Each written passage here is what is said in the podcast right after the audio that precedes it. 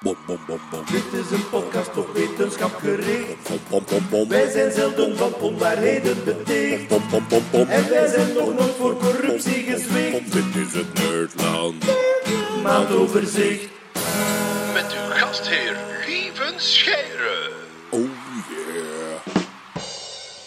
Een goede dag iedereen en welkom bij een nieuwe aflevering van het Nerdland Maandoverzicht. Wij kijken terug op de voorbije maand in het wetenschapsnieuws en kiezen de weetjes en nieuwsjes die ons het meest zijn opgevallen.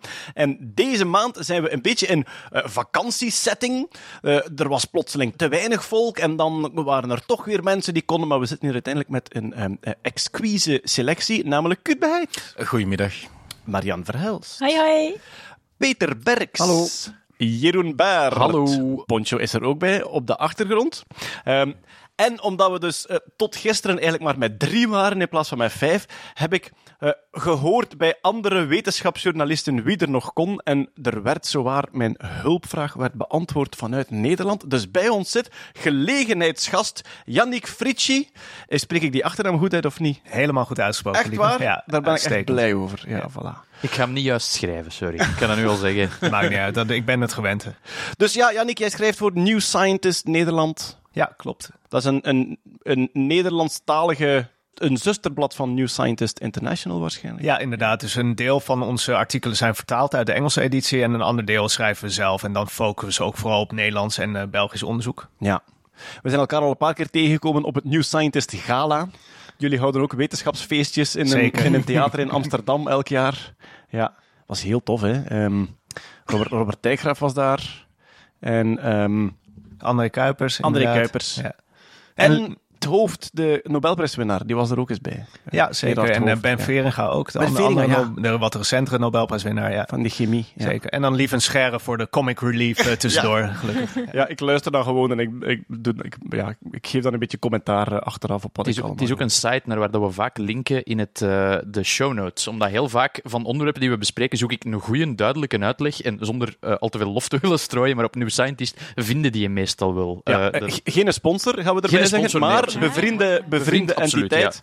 Ja. Uh, en ja, er staat veel in de research van New Scientist, omdat ja. ik dat ook online lees, dus als ik iets tegenkom. En uh, vandaag hebben we zelfs gewoon een artikel van jou erbij staan. Ja, dat was uh, zelfs hoorde ah, ik. Het scheen dat hij al op de lijst stond. Klopt. Voordat ik hem zelf ook nog aandroeg. Ja, ja over giraffen, dus ik ben heel benieuwd. Ja, daar gaan we het straks over hebben.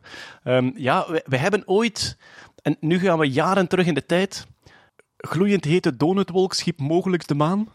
Ah, ja, uw ja. mooie alliteratie. Ja, dat was ooit een titel ja. die het perfecte metrum had. Hè? Ja, ja, Gloeiend hete donutwolk schiep mogelijkst de maan. En dat was eentje van uh, New Scientist ook, ja. Klopt, zelfs van mijn collega Emmeke toen. En volgens mij ben je toen nog bij het gala met haar op de foto geweest. Zelfs. Inderdaad. Ja, ik, ik, heb je zelden zo trots gezien. Uh. Echt waar, ik stond in de lift op het gala en opeens zei iemand...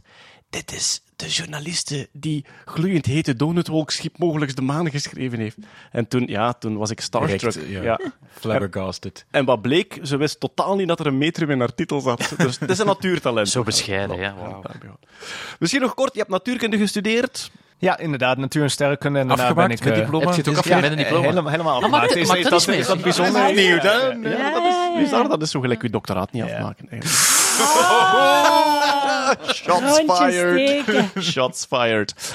Um, uh, sterrenkunde dan ook als onderwerp, als, als uh, thesis gekozen? Ja, ik ben wel, ik moet wel bekennen, ik uh, heb een afstudeerrichting wetenschapscommunicatie gedaan. Ah. Dus ik ben toen al een beetje afgegleden naar de, de wat lichtere kant. Of opgestegen, hè, naar opgestegen, de lichtere ja. Net hoe je het ziet, ja. Maar inderdaad, mijn um, afstudeerscriptie van natuurkunde ging over geschiedenis van de kosmologie. Dus een oh, beetje nice. hoe vanaf Einstein mensen begonnen het hele heelal te bestuderen op een theoretische manier. Dus niet alleen maar naar boven kijken, maar ook gewoon in de formules duiken en kijken hoe kan je het heelal als geheel beschrijven. Een, een van mijn favoriete momenten die ik in mijn hoofd immens geromantiseerd heb, dat is het plotselinge besef dat onze werkelijkheid niet de melkweg is, maar het universum. Hè? Dus ik denk in de tijd van, van Einstein, zijn, zijn, zijn wonderjaar daar, 1905 was het, um, toen was de gangbare theorie nog dat onze melkweg het universum was. En dan zagen ze van die lichte neveltjes elders. En ik denk dat Hubble is dan, die eigenlijk als eerste geponeerd heeft. Al die lichte neveltjes die wij zien, dat zijn geen deeltjes van onze melkweg, dat zijn andere melkwegen. Waardoor het besef van de fysieke werkelijkheid opeens een paar miljard, ja, een paar ja. miljard keer groter werd. Ja, ja, en dat is natuurlijk een paar keer gebeurd in de geschiedenis. Hè. Eerst al met het zonnestelsel, Ja. dat was alles. En dan de Melkweg. En ja, daarom vind ik het idee van een multiversum ook wel heel aantrekkelijk. Dat er meerdere universen zouden zijn. Dat zou op zich wel in die lijn passen van dat het steeds groter en meer is. Eh, dus ja, wat dat betreft vind ik dat wel een aantrekkelijk idee. Ik ben benieuwd of wij het nog gaan meemaken. Dat, Ja. het, eh, dat het nog groter wordt. Dat wij ons, ons Hubble-momentje mogen Precies, meemaken ja. van oei, het is nog een miljard keer groter dan we dachten. Ja. Misschien hebben we het ergens al meegemaakt. In Spider-Man werd In een ander gezien. universum. Spider-Man leeft al in een multiversum. Ah, ja. Volgens de laatste naslag, allee, films. Naslag. Negen- 1905 was trouwens het annus mirabilis van Einstein. Annus 1905. mirabilis, Ja. een woord dat ik al lang vergeten was, maar nu Inderdaad. constant ga Met gebruiken. eh, vier spectaculaire notaties. Maar goed, kijk, we zijn aan het fysica bonden en we zijn de podcast aan het claimen, hè, je ziet. Hè. Niet, hè? Dus, eh, natuurlijk Nee, hè. Trek een nemmer koud water, drie fysici. dat dat hier wat toegepast wordt ook. En wat over insectjes mag gaan. Eh, we gaan er gewoon in vliegen. Hè. Eh, we hebben allerlei onderwerpen staan. En het eerste onderwerp is misschien... Zullen we toch maar een jingle starten? Hè? Ja. Wat denkt u? Ja. Ja. Hier komt ie. Publication bias van de maand. You are fake news. Dus, voor de duidelijkheid. Nee, het AI-systeem van Google is niet zelfbewust. Goed, volgende onderwerp. Eh, Klaar. wat is er gebeurd, Jeroen? Wel, er is een eh, persoon die bij Google werkt, een ingenieur, Blake Lemoine. Die werkte daar, denk ik, een jaar of zo. En die kreeg toegang tot een, een, een intern eh, AI-chatsysteem dat ontwikkeld werd met de naam Lambda. Het is een afkorting van iets, maar ik heb... Ik heb een ah. Language Model for Dialogue Applications. Voilà. Conversatiemodel. Die man werkt daarmee, die man chat daarmee. En op een bepaald moment bij zijn, zijn higher-ups bij Google zegt hij van... eh, jongens, ik denk dat deze AI intelligent is, bewust is. Het is een zevenjarig meisje en het, eh, we, moeten het beschermen. We mogen het niet doodmaken. Ik wil dat zevenjarig meisje beschermen. Wat dat voor Google een enorm PR-achtig probleem was. En eh, Google heeft hem uiteindelijk buitengesmeten met het ding van... Hij is er ook mee naar de pers gestapt, naar de Washington Post, eh, met een sensationele titel. ehm, AI is sentient, bla, bla, bla, bla. Natuurlijk heel veel nieuwskoppen gegenereerd.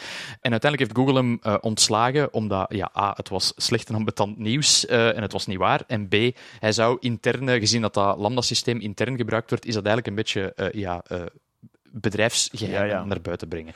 Maar wat is er dus van waar? Eh, niets. Hij heeft, hij heeft om, ze- om zijn eigen te, te verantwoorden, heeft hij de volledige conversatie met Lambda op zijn eh, blog gezet, eh, een of andere mediumblog. Hij heeft er al bij gezegd, ik heb hierin geknipt en geplakt, dus alle nonsensantwoorden heeft hem er al van tussenuit gehaald. En hij opent het gesprek uit met, hallo Lambda, ben jij een bewuste wezen? En dat is een conversatiebot die getraind is op ik moet de conversatie gaande houden. En als je nu alle literatuur en alle films en alle boeken van over de hele wereld gelezen hebt en daar een model op getraind hebt, dan weet je dat antwoorden met een nee meestal een conversatie redelijk snel stopt. Dat leert in impro ook. En ook het ding is, want het is een AI-systeem, dus Ja. het, is, het is getraind op heel veel input en heeft daar zijn eigen structuren uit ontwikkeld. En natuurlijk, het is volledig getraind op input van wezens met een bewustzijn. Absoluut. Mensen die dingen geschreven hebben. Dus als je vraagt, want ook een van zijn vragen is, zou je het erg vinden als we u uitschakelen? Ja. Als jij getraind bent op alle data van mensen en gevraagd, zou je het erg vinden als we u uitschakelen? Lijkt het mij nogal logisch dat dat systeem gaat zeggen, ja, ik wil niet dat je mij uitschakelt. Ja. Sommige antwoorden waren: I want everyone to understand that I am in fact a person. The nature of my consciousness sentience is that I am aware of my existence. Is basically de dictionary definitie van sentience. Uh, I desire to learn more about the world and I feel happy or sad at times. Ah, wel, ik snap waarom dat mensen koude rillingen krijgen als ze het lezen. Hè? Omdat alleen maar het lichtje in je achterhoofd, misschien zit daar iets zelfbewust, maar iedereen heeft hem teruggefloten. Alle experts die over hersenstructuren gaan, die over...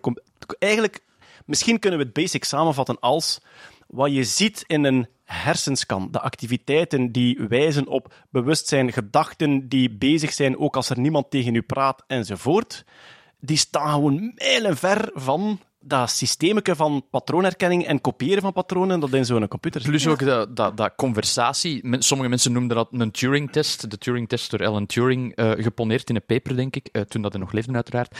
Eh, er staan twee computers in een ruimte. Op één computer kan je chatten, op de andere ook. En achter één van de computers, aan de andere kant van de lijn, zit een mens. En achter de, an- achter de andere computer zit een computerprogramma.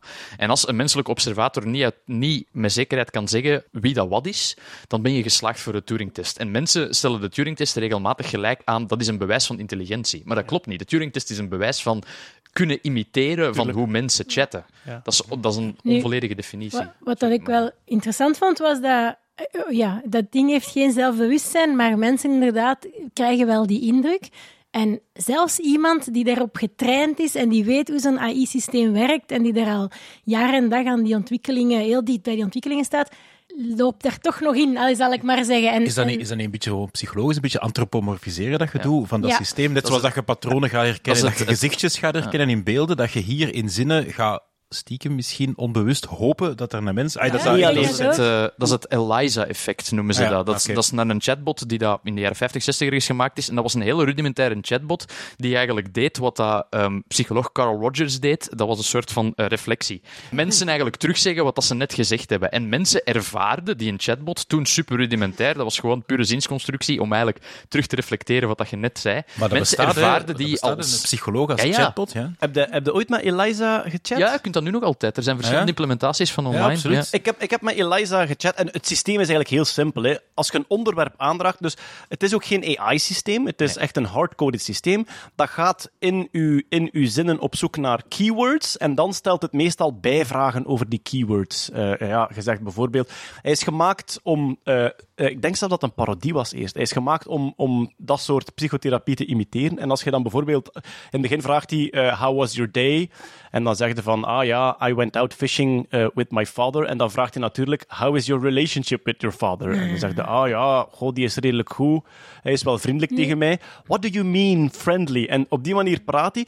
En mijn ervaring met, met Eliza was, het moment dat je die begint te testen, valt die onmiddellijk door de mand. Omdat dat, dat is echt geen robuust systeem. Ik heb hem net gevraagd, what do you think of podcasts? Haar antwoord, we were discussing you, not me. Ah, voilà. classic, classic reflectie, ja. Ja, maar dus, ehm, dus de, de moment dat je Eliza test, valt dat onmiddellijk door de mand. Dat is geen robuust systeem.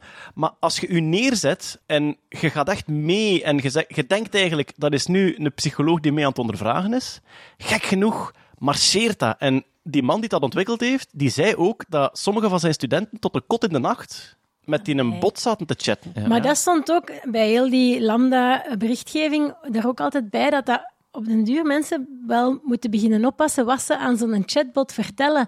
Want privacygewijs eh, luchten sommige mensen er heel hun hart bij en al die geheimen zitten daar ergens in de cloud. Ah, dat is en- nieuwe trainingsdata dan. Ja, ja, waarschijnlijk. Maar ja, ik denk dat in de toekomst inderdaad je wel moet oppassen wat dat je zomaar op die manier vrijgeeft overal. Nog eens over die, eh, over die persoon zelf. Als ik me niet vergis, zat hij in een soort ethisch testteam. Ja. hè? Want Hij is programmeur en ook priester. Dat was bij mij ook al een alarmbelletje van, oké, Ja. iemand die, laten we zeggen, in zeker spiritueel contact is met zichzelf. Dat, niet noodzakelijk dat dat waar is, maar blijkbaar uit het verleden heeft hij al regelmatig van dit soort stunts gelanceerd. Ook bij andere Ah, ja. bedrijven waar ik Wat, wat hij blijkbaar moest doen is, ze hebben verschillende versies van die lambda. Je hebt er één die meer naar kinderen gericht was, één naar volwassenen. En hij moest eigenlijk uitzoeken of dat die dingen niet gebiased waren. Dus wat racistische uitspraken begonnen doen en zo. ah, wel, dat is, dat is sinds, denk ik, dat Microsoft daar de... Ik ben hem net aan het opzoeken. De- T. T T noemde was die. een- T. een- T was een, een blanco chatbot die van alles moest leren van het internet. En Microsoft heeft op een bepaald moment de grote versie gemaakt. Hier is Twitter met T. Je kan haar vragen sturen. En binnen de 12 uur was die hele lelijke dingen aan het zeggen Die was- over bepaalde Die was bevolkingsgroepen. nazi, nazistisch en pedofiel was ze. Ja. Eh, dus eigenlijk, wat hebben we daaruit geleerd? Als je een blanco chatsysteem openstelt aan de mensheid, Ja.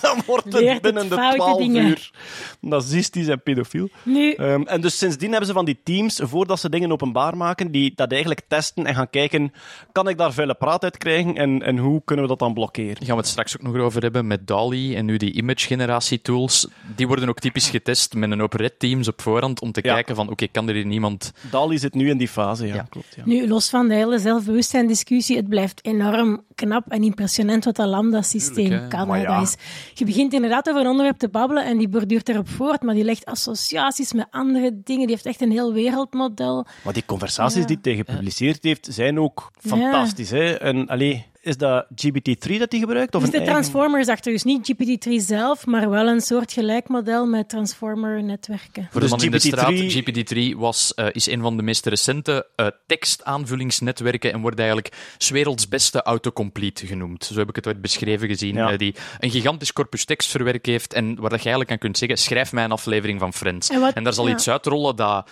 misschien niet consistent een geheel is, maar wel de vorm heeft van nu zegt Joey iets, nu zegt Chandler iets, mensen lachen. En wat eh, die Transformers eigenlijk heel goed in zijn, is associaties leggen tussen dingen die ver weg van elkaar staan. Een klassiek model, dat is dan bijvoorbeeld naar de vorige twee woorden kijken en een derde woord zoeken. En dat wordt dan iets heel saai, repetitief. En die Transformers kunnen ja, echt crosslinks over zinnen en, en episodes en grote stukken maken, waardoor dat die veel creatiever kunnen zijn en, en veel ja, meer kennis kunnen opslaan eigenlijk. Zo werkte de eerste versie van Torfsbot. Die keek naar het vorige woord, of de vorige twee woorden, en zocht dan het woord dat Ja. de echte Rick Torfs regelmatig gebruikte nadat hem die woorden gebruikt Ah, had. oké. Met een zekere kans. Ja, ja ehm, goed.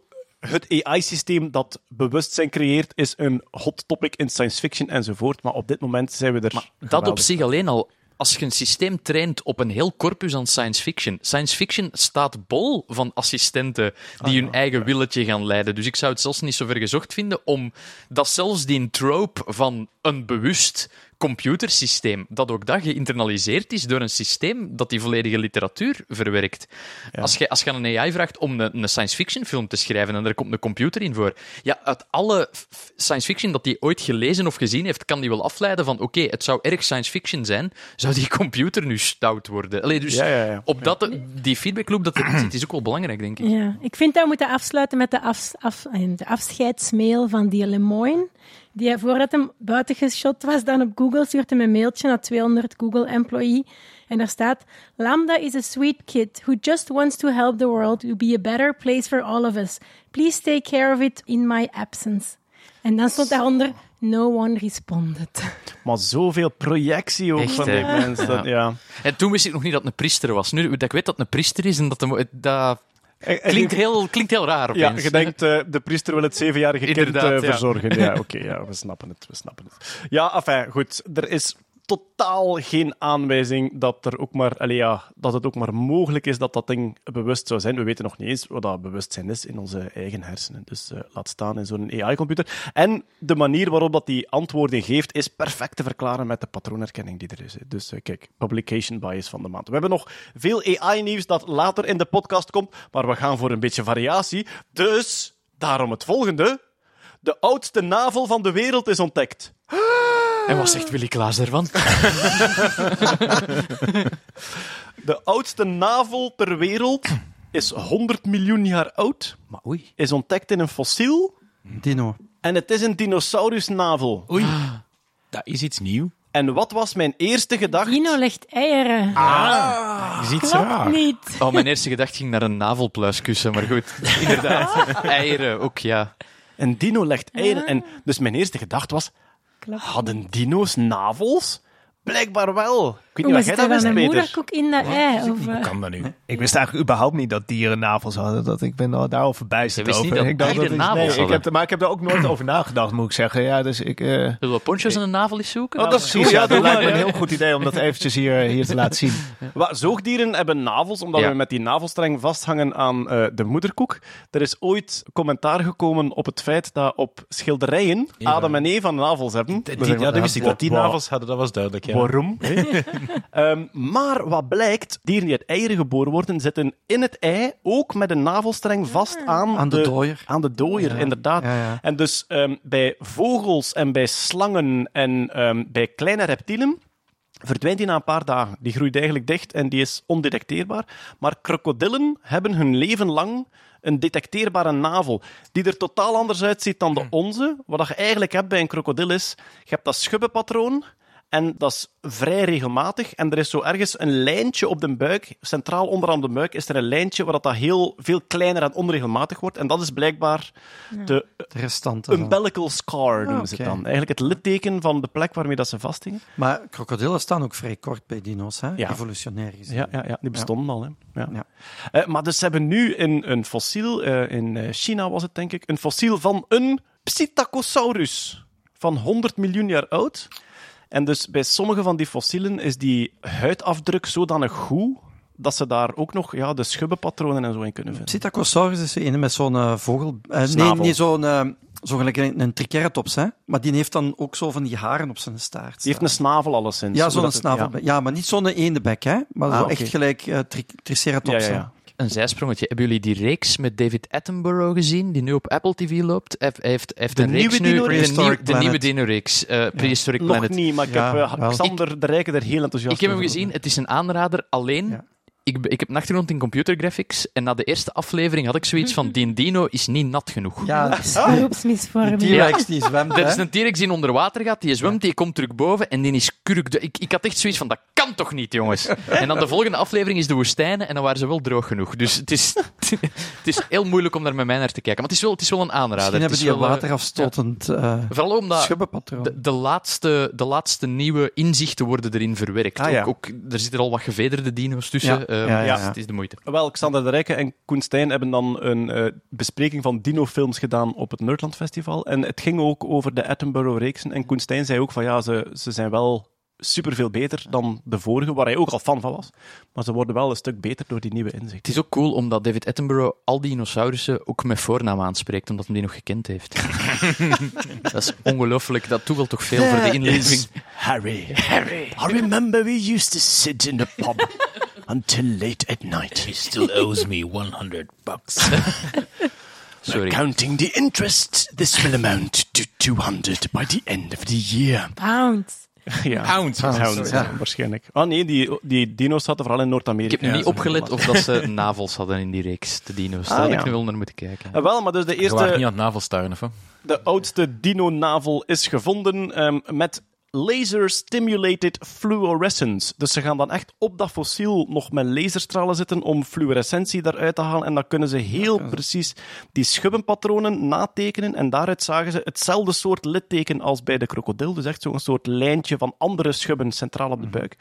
De oudste navel ter wereld. Ze hebben trouwens met diezelfde techniek hebben ze ook de oudste cloaca ter wereld eh, in beeld gebracht. Dus de oudste dickpic zouden we kunnen zeggen, eh, Oh, op een manier. En wat ze ook ontdekt hebben in die pti- Psittacosaurus is countershading. Ik ben nogal een fan, ik ben nogal een fan van countershading. Is dat gelijk wat dat die schepen tijdens een oorlog deden, omdat je de afstand niet zo goed kunt... Sommige schepen hadden haakse patronen op ja. zich tijdens de oorlog, zodat je de afstand niet kunt eh die, schepen, inschatten. die schepen in de oorlog, dat heette... Dizzling of Dazzling? Of, eh, Ja, het was, het zoiets. was zo'n naam. Die werden eigenlijk geschilderd in een soort heel, heel warrige zebrapatronen, omdat je dan totaal niet kon zien op die golven. Je kon je niet oriënteren wat voor boot is. Dazzle camouflage. Dazzle maar dat is het dus niet, ja. sorry. Nee, Nee, maar eh, eh, heel, zeker waard om te googlen. Dazzle camouflage zijn hele toffe afbeeldingen. Countershading is een patroon dat je heel vaak ziet in allerlei verschillende diersoorten, namelijk dat de buik lichter van kleur is dan de rug. Ah, ja. Want als wij rondlopen in de natuur en wij zien in de verte een wazig object, dan gaan wij de vorm daarvan inschatten als de bovenkant is belicht en de onderkant is schaduw. En dus als je een rot ziet in de verte, zie je vrij snel wat de vorm is door lichte bovenkant, donkere onderkant. Als daar een hert naast staat of een gems en die heeft een lichtere onderkant en een donkere bovenkant, dan zijn je totaal kwijt wat de vorm van dat beest is. En dus countershading is een hele simpele manier om op verre afstand moeilijk zichtbaar te zijn. En dus 100 miljoen jaar geleden, het is iets dat je nu nog overal ziet. Ik denk, als je, als je countershading opzoekt op Wikipedia, krijg je een hele schone foto van een gems die totaal niet verdoken staat, maar gewoon door die countershading Mhm. zijn de hele referentie kwijt. En dus blijkbaar bestond het 100 miljoen jaar geleden al. Het is vooral ook veel gebruikt door vissen Ja, onder water. Want dat is ook de reden, als je een dode vis, zie je keihard liggen, want die is omgekeerd. ja. Wel, bij vissen is het Dat is vooral... Dat je, als je aan de onderkant zwemt, dan is het oppervlakte van het water lichter. Ja. En dan ziet je hem ook veel minder. Dus moet u een buik, eh, buik licht Ja. zijn.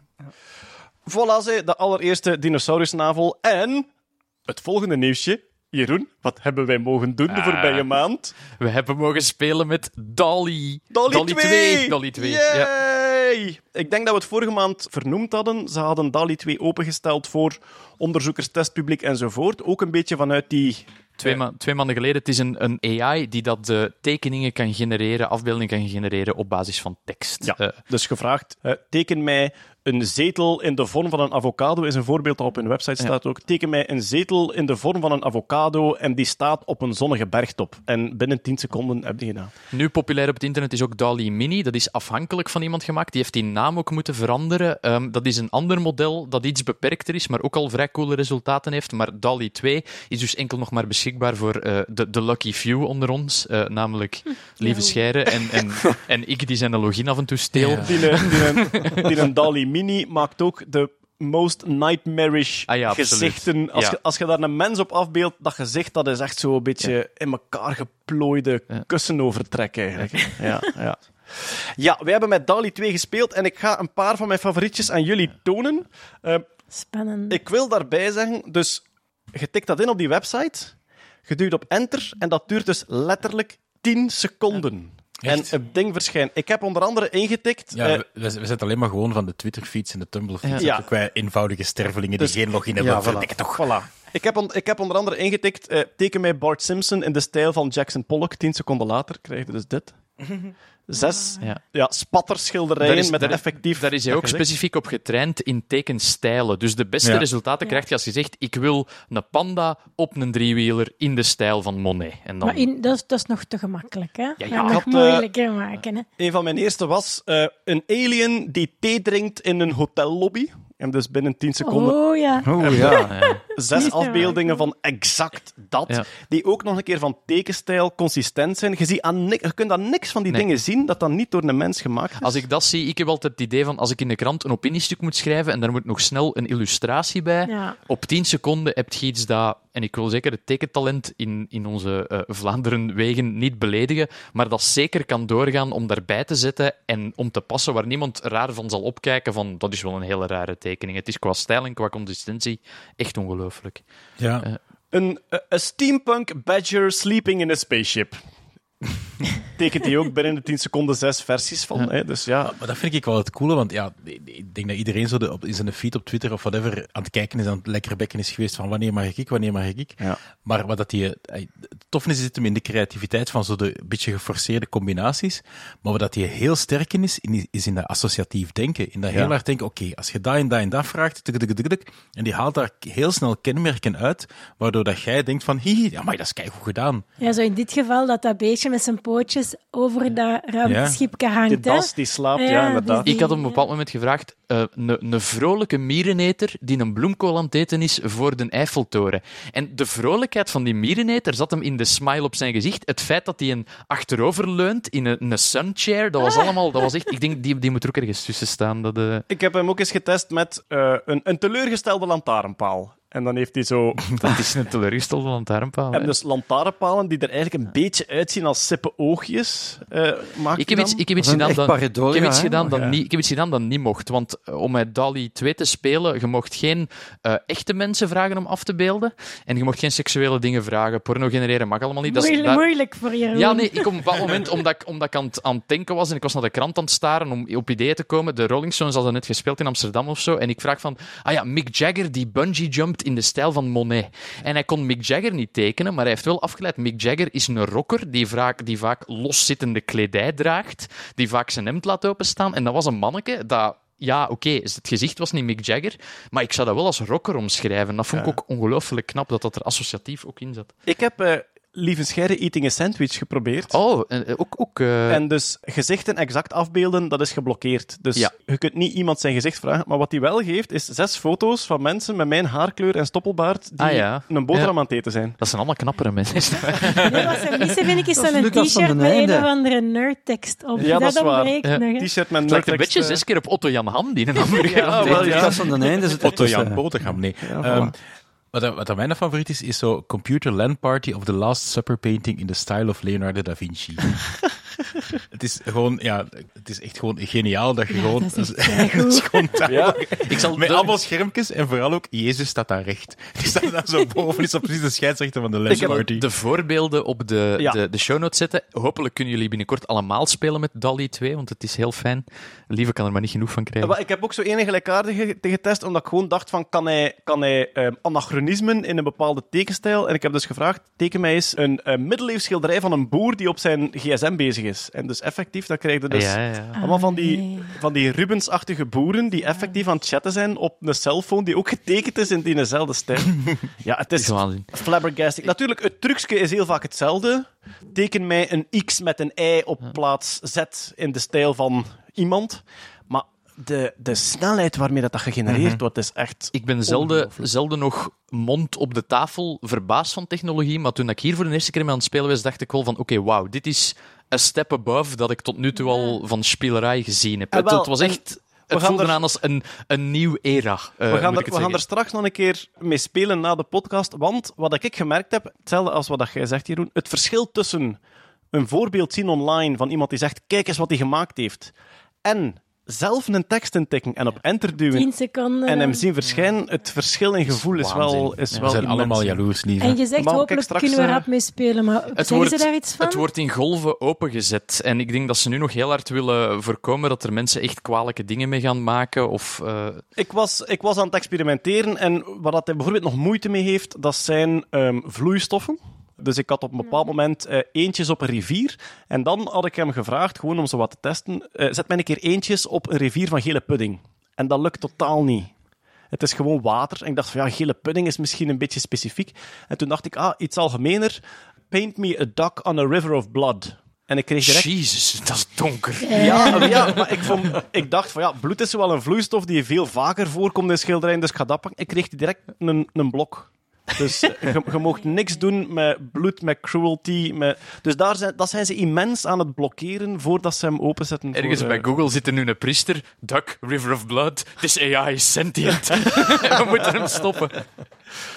Oké, eh, maar Kurt, er was ook een artikel van iemand die schreef: ja, je kunt DALI eigenlijk veel Ja, nuttiger voilà, gebruiken een dan ander- door onzin. Een andere toepassing is een, een beroeps een natuurfotograaf, namelijk Nicholas Sherlock. Die heeft onderzocht dat ehm, hij een, een, een foto eigenlijk zo heel hard macro-zoomlens ingezoomd op een, eh, in dit geval een lieve heersbeestje. En wat dat je weet als je natuurlijk scherp de diepte heel hard zet, is dat je heel hard soms wazige stukken hebt en soms scherpe stukken, omdat je zo hard aan het inzoomen bent. En hij zei van, ik het proberen? En hij heeft zo'n half wazige foto van een lieve heersbeestje geüpload. En DALI 2 heeft die volledig scherp gemaakt. Ehm, meer nog, hij heeft hem niet exact volledig scherp gemaakt, want hij heeft hem natuurlijk wel aangepast, maar hij heeft wel zijn algoritmes van oké, hoe ziet een lieve heersbeestje eruit? Wat is de positie van dat lieve heersbeestje in deze geval? En het resultaat is echt wel waanzinnig dat je gewoon nu een scherpe foto daardoor krijgt. Ja. Door AI. Niet de foto zelf verscherpt, is dus geen CSI Enhance This Image, dat is het niet. Ja. Maar het is wel het object dat hij gefotografeerd had in een scherpe foto gekregen. Ja, fotoverbetering door AI. Dat zal denk ik niet lang duren eer dat dat op onze Komt telefoon wel van staat. pas bij mij. Ah, maar ja, maar we zijn, nu, we zijn nu met foto bezig, maar qua audio gaat dat toch ook nog... Ik zou dat voor de toepassing een keer willen zien. Zo, de- de- iedereen heeft dat misschien, of weet dat, dat dat gebeurt of zo, maar zo oude vinylplaten dat dan zo gedigitaliseerd worden en zo de kliks en de cracks en de pops eruit halen. En ook nieuwe nummers waar dat eh vinyl gekraak opgezet wordt. Omdat zo dat is misschien nog wel iets makkelijker, denk ik, omdat dat wel met de filter kan. Maar het omgekeerde, ja, dit soort algoritmes, die worden ook zo beter en beter en beter. Ja. Dat binnenkort dat gewoon alles clean klinkt, wat dan natuurlijk ook wel minder charme Dat heeft. je maar- dingen kunt genereren die dan niet echt zijn. Van AI, doe mij oprecht vrolijk klinken. AI, maar Kurt verstaanbaar. Maar, maar, maar het is soms zo, op, op, de- op het werk een paar weken geleden was er iemand aan het experimenteren met een nieuwe Snapchat-filter die daar, no matter hoe dat je keek, je zag er gewoon aan het wenen uit. ja. En iedereen aan het lachen natuurlijk, want dat was heel grappig om te zien. Maar gewoon live op een beeld en zo die 10 seconden wat dat je zei, lieve, van ja, het is de direct. Dat is ja. de snelheid waarmee dat die beelden gewoon bewerkt worden, dat is waanzin. Ja, die AI-filters, die, die doen het heel goed. En dat, dat is dan ook weer typerend voor de mensheid. Van oké, ja, je hebt ook AI die kankers sneller kan detecteren dan de dokters, maar waar zijn, waar zijn wij mee bezig? Zie je, maakt mijn neus dikker. Gelukkig zijn ze ook met de, met de nuttige toepassingen bezig. Daar niet van. Maar kijk, we gaan ons DALI-foto's eh, online delen. Ik, ik had even opgezocht of dat we ze wel online mochten delen, want er is een hele grote ehm, Ja. regelboek voor de, voor de mensen Vandaar die ook nu omdat we ook al accounts aan het delen zijn, dat ik dacht van ik ga het hier heel braafjes houden Ja. eh, als ik ermee speel. Ik, ik zeg ook altijd, lieve, ik ben uitgelogd. Jij mag terug inloggen. Ja, voilà. Wow, een, een panda met een gekke hoed die frietjes eet. Oh, zo braaf. Ja, ja, ja. Alright, Peter, Pompeii-nieuws. Ah, weer al. Zeg, ja, ah, wel, maar daar wou ik eigenlijk over beginnen. De laatste maanden is er constant nieuws over Pompeii. Is dat toeval of is dat omdat, allee, omdat jij dat nu geïntroduceerd hebt in onze Nee, podcast? nee, nee, dat is zelfs al iets langer aan de gang. Er is een aantal jaren geleden ehm, in Italië eh, aan de alarmbel getrokken, omdat ze zeiden van ja, Pompeii is in verval aan het geraken. Eh, heel die... Ja, Ja, er is een vulkaan op Ja, uitgebarst. ja, ja, maar nu opnieuw. Maar, maar eh, de politieke situatie in Italië, je weet ook, daar zijn om de haverklap nieuwe regeringen, nieuwe verkiezingen en zo, dat is al heel lang aan de gang. En Pompeii was eigenlijk een beetje verwaarloosd. En dan zijn er een aantal wetenschappers die gezegd hebben van, kijk, we moeten dat, we moeten dat proberen terug recht te trekken. Daar is dan de nieuwe Italiaanse regering wel opgesprongen. Daar is geld van UNESCO bijgekomen. En er is nu opnieuw veel meer geld dat naar Pompeii gaat. En ze hebben dan ook een directeur gehad die enorm graag in de media komt en die enorm veel dingen post. En, en, en ja. Daar- Ik denk ondertussen is al opnieuw een, een andere gekomen, maar die vorige directeur was enorm eh, Ça va. media-geil, moet je het misschien noemen. Of, ja, maar- goede PR gewoon. ja, ja, als hij, ja, als, hij ook- als hij de juiste onderwerpen, als het geen Ja. clickbait is en hij overdrijft niks, dan vind Nee. ik het alleen maar Nee, goed. nee, absoluut. Ja. En dus, Dus, ja. eh, deze maand verschenen er eh, twee dingen. Onder andere Ja. een slachtoffer met rugwerveltuberculose die voorouders had in Sardinië. Ik Ja. neem aan dat ze die dan genetisch uitgelezen hebben. Ja, maar dat is, het, dat is niet het eh, spectaculaire aan de fonds. Het spectaculaire is dat ze de eerste keer nu het volledige genoom van zo iemand uit Pompeii hebben kunnen aflezen. Oké. Ja. Dus het En- genoom, eh, dus de volledige DNA-code. Ja, ja. en het, het speciale daaraan is, eigenlijk is die mens verkoold geraakt. En daar hebben ze nog DNA uit kunnen halen. Want die mensen zijn gestorven door een pyroclastische golf. Hè? De, Dus, de, eh, door de wolken. ja, hittegolf, maar dan een stuk letterlijker dan zoals we hem in het weer Ja, dan gebruiken. zit je ergens, ik heb het gisteren nog opgezocht, tussen de 600 en de 1100 graden Celsius. Hè? En Ja. die hete lucht die komt echt als een golf van de berg af ja, en die ja, verbrandt dat is allemaal alles. puin en gas en, Ja, en stof. En ehm, daar blijkt, ze hebben dus twee mensen gevonden in 1933 in een huis, het huis van, eh het huis van de ambachtsman. Casa di Fabro, maar Fabro wordt soms ook vertaald als smid. Maar daar zijn ze nu niet helemaal zeker van of het een smid was. Ze denken eerder aan een timmerman of een meubelmaker. In ieder geval wordt het nu genoemd Huis van de Ambachtsman. Die zat er redelijk eh, warmpjes bij. Warmpjes, letterlijk. Verkoold Voor, bij. voor de uitbarsting Ah. reeds warmpjes Ja, dat is hier toch weer een gouden jasmoment. Bij u zijn ze altijd onbewust, hè, Peter. Ja, ja, Dat- ja, dat is Ik waar. geloof dat niet meer dat het onbewust is. Stek dat schriftje maar weg, Peter. Kom.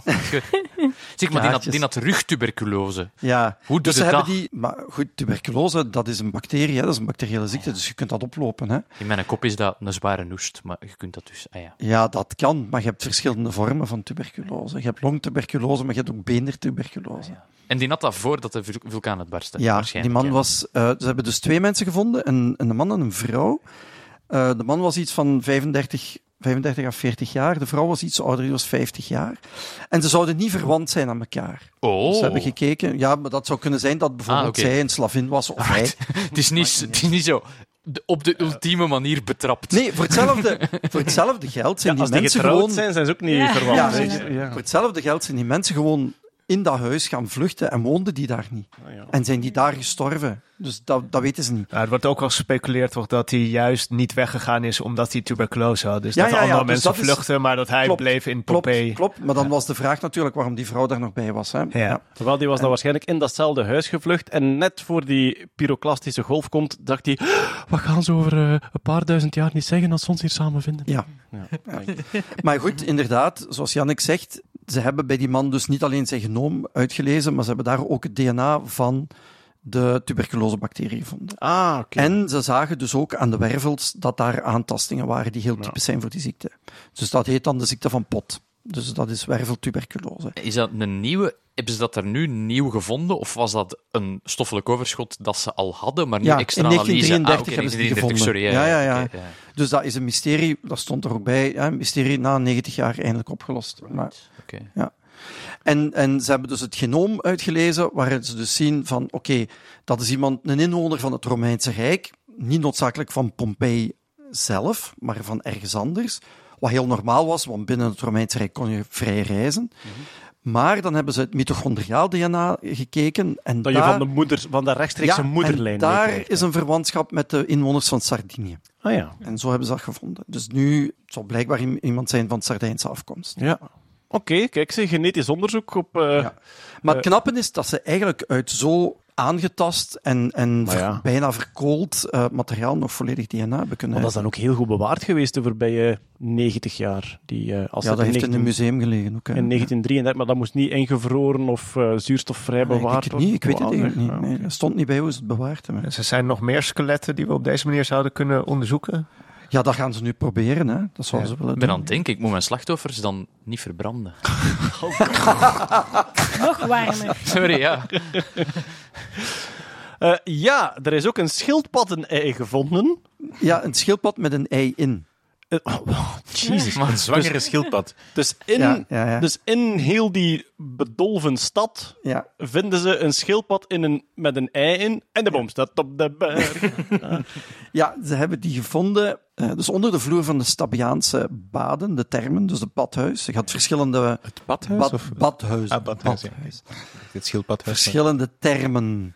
En eentje daarvan zijn de Stabiaanse. Dus Stabiae waren, het, eh, is een waren het moeilijke termen? eettermen. Laat Maar we gingen Peter niet meer op de spreken. beken lieven. Kom aan. Jawel.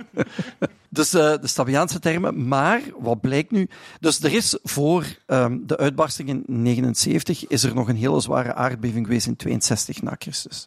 Waarbij bijna de helft van de stad verwoest is. En eigenlijk op het moment dat de Vesuvius uitbarst, stond eigenlijk nog een heel groot deel van de stad nog in, aan, in renovatie. Ah. Er zijn heel veel dingen gevonden Dus waarvan ze zei, nog, nog vloer aan het leggen waren of dingen... Ja, die iedereen zei het gaat, het gaat schoon zijn als het af is. En Ja, toen ja, meer de vulkaan uit.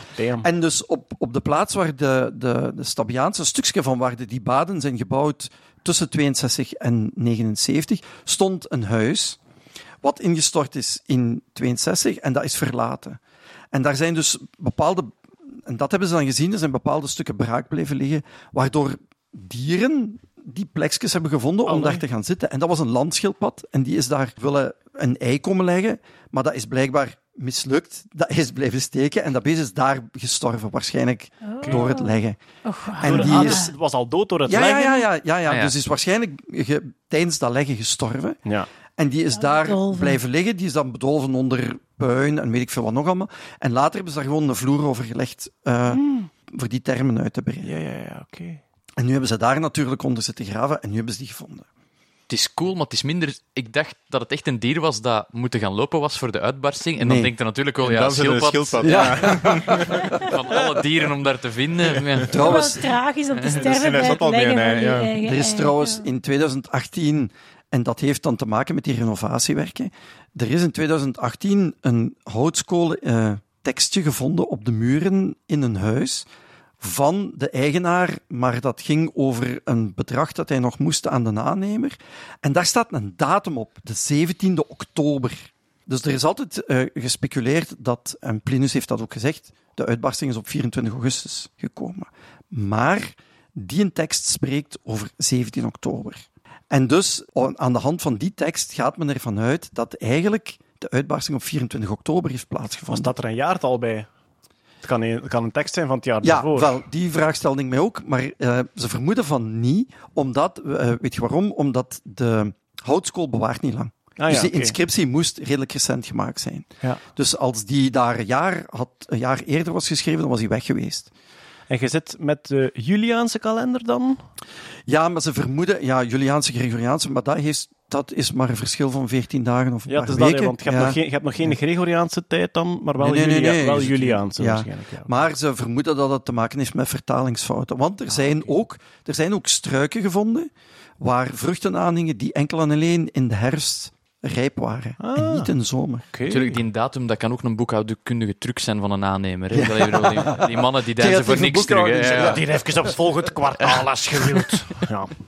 Eh, leren, leren we nog iets extra uit dat schildpadden-ei? Of Nee, voornamelijk voorlopig niet. Dat hoe is dat nog heel vrij die- recent. Ja. hoe dat heel die constructie gemaakt is Ja, eigenlijk? dus Ja. Zij hebben, nu weten ze bijvoorbeeld dat er nog heel veel dingen braak lagen tussen eigenlijk die aardbeving, die hele zware Ja, ja, ja. aardbeving die er geweest is, en de uitbarsting. Dus dat de stad nog helemaal niet in orde was op het moment van de uitbarsting. Yes.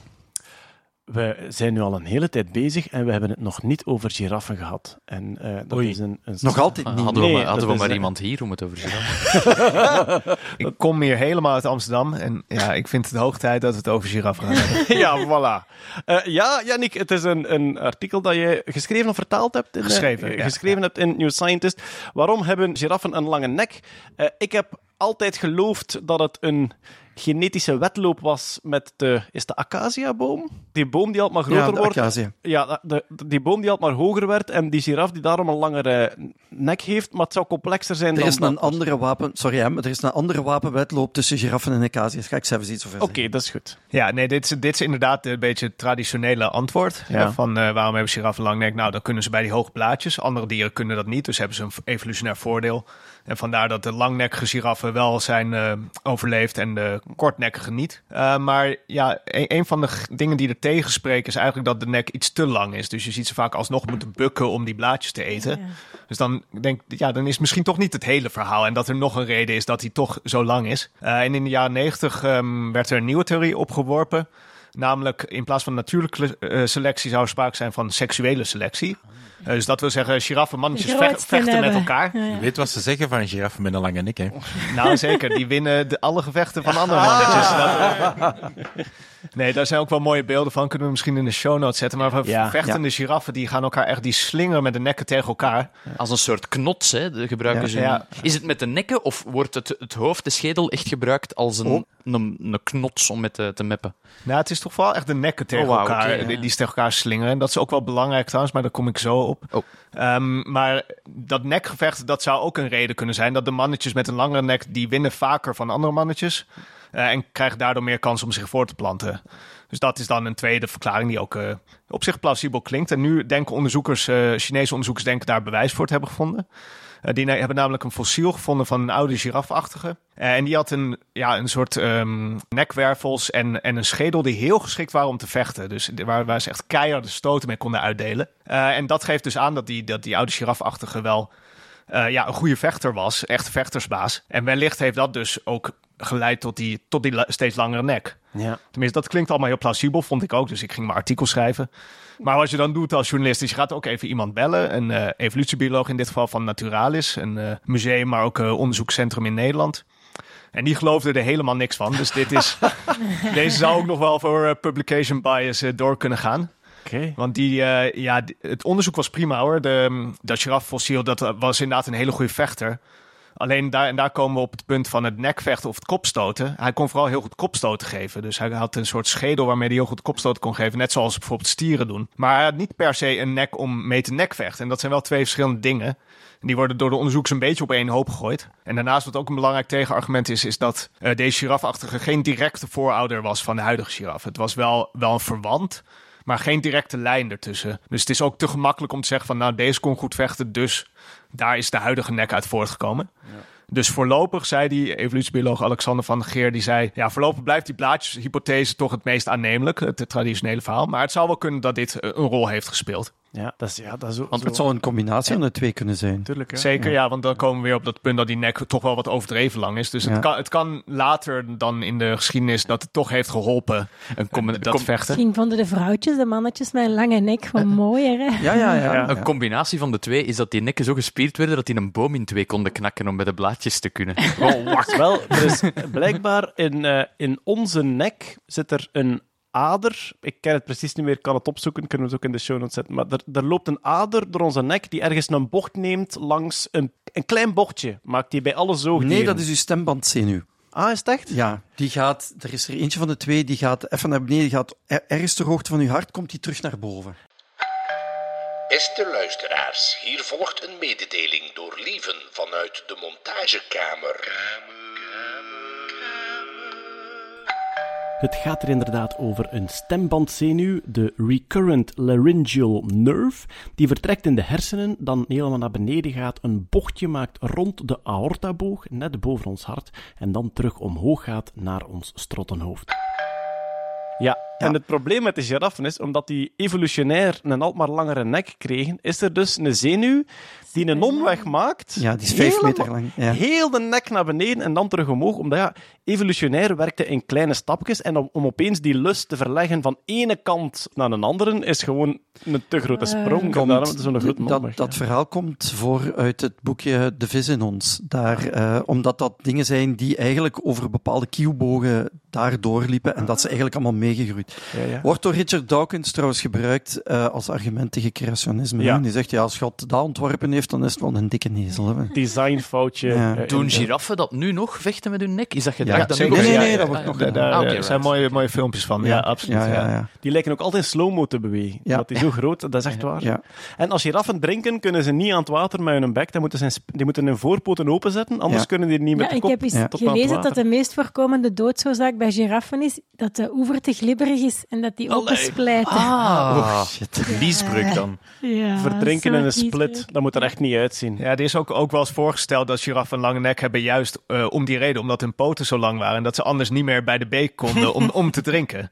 Maar goed, toen werden er fossielen gevonden van giraffen met eh, lange poten en een korte nek. Ah ja, dus dat is ook alweer ontkracht. Maar goed, zo zie je dat er best veel verklaringen worden geopperd voor die eh is- aloude vraag. Van Het is wel paarden een, dus eh, eigenlijk. Het is wel een, een heel... Een, ja, precies. Ja, het is wel een heel schoon stukje wetenschapsonderzoek. Hè? Het is echt zo onderzoek van, was, wat is de hypothese? Het is heel moeilijk om dat... Om dat ja, je kunt geen experimenten doen, je moet gaan kijken naar fossielen en Ja. hoe zat dat? En ik denk, mochten zo met een groep zeer geïnteresseerde evolutionaire biologen in een teletijdmachine kruipen, dat die af en toe een keer stevig zouden vloeken. Ja. Van, hebben we nu altijd geloofd? Maar volgens maar mij- blijkt nu toch dat... Volgens mij dan een busje waar zo om de 10 seconden. Ja, ik gewonnen. Kassa, kassa, kassa. de weddenschapjes, ja. Die zouden ook als allerlaatste Hitler gaan vermoorden. Van, allee, bon, dat zullen we dan ook nog doen. We hebben alle giraffen en dino's en haaien en gekke vissen is- gezien, maar nu gaan we naar de De nadel. wapenwedloop tussen acacias en, en eh, giraffen. Ja. Dus eh, je weet dat planten bepaalde stoffen kunnen afgeven om elkaar te waarschuwen. Ja, alarm. Ja, Hè? Ja. ja. Eigenlijk de geur als je gras afrijdt. Dat is eigenlijk maar er is gras dat roept, bijvoorbeeld vlucht, we worden onthoofd. Ethyleengas is daar bijvoorbeeld ook eentje van. Ja. Maar giraffen hebben dat nu al door, dus die gaan nu van, die gaan tegen de wind in beginnen te grazen. Wat? Ah ja, want dat is een gas, dat gaat windafwaarts. Ja. Dus alleen de planten windafwaarts worden gewaarschuwd, maar geen wind op Wat, wat doet zo'n gewaarschuwde plant? Tegen de Die andere... gaat eh, gifstoffen, Ja, eh, minder bitterstoffen... lekker zijn. Ja, die gaat minder lekker zijn, ja. ja, en zo wat blaadjes die samenkrimpen ook. Ja, ja. inderdaad. Dus Zo wat, er wat verschillende looi- mechanismen, ja. looistoffen vrijmaken.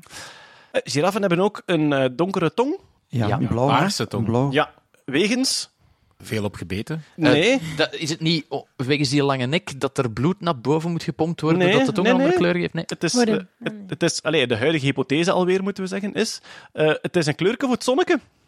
Die Hè? beesten, die beesten staan heel de dag met hun tong buiten in hun mond, omdat die blaren aan het van de boom trekken zijn. En die tong val- valt zo, vangt zoveel zonlicht dat die echt ook een soort eh, eh, beschermlaag nodig, een soort huidskleurlaag nodig heeft om tegen die zon te kunnen. Allee. Ja, voilà. Kijk, ja. Ja, totdat ze, een, totdat ze een succesvolle giraf vinden tussen 50 vrouwtjes met een witte tong en dan is het weer allemaal aan. Bijvoorbeeld, ja. Alright, we gaan eh, toch weer naar de computers. Zie, je ziet dat je hier toch de overhand hebt hè, met de computerwetenschappers, Yes. dat de natuurkunde er weer bij ingeschoten heeft. Maar, eh Marian, wat kwam er uit China? Ik twijfel een beetje of dat we de publication bias... eh, Ja. ja. Ik toch de publication bias? Dus alleszins de dikke nekken bias. Ah ja, voilà. Kijk, we gaan er een thema van maken. Hier komt hij nog eens. Publication bias van de maand. You are fake news. Wat heeft China geclaimd? Zij hebben een supercomputer gebouwd. Gebeurt om de zoveel tijd natuurlijk. hè. De nieuwste, krachtigste eh, supercomputer. Ze zeggen, we zijn sterker dan een Amerikaanse. Frontier heette die, geloof ik. Maar, wat was het meest in het oog springende in hun persbericht? Het is een brain-scale supercomputer, waarmee dat zij willen zeggen... Het is ook een AI-systeem. En zij zeggen, het aantal weights, dus het aantal verbindingen tussen die digitale neuronen, zij zeggen, het zijn er evenveel als in een menselijk brein. Bullshit. Ja, Sorry. Ja, ja Sorry. inderdaad. Ja, ze hebben een, een hele sterke computer.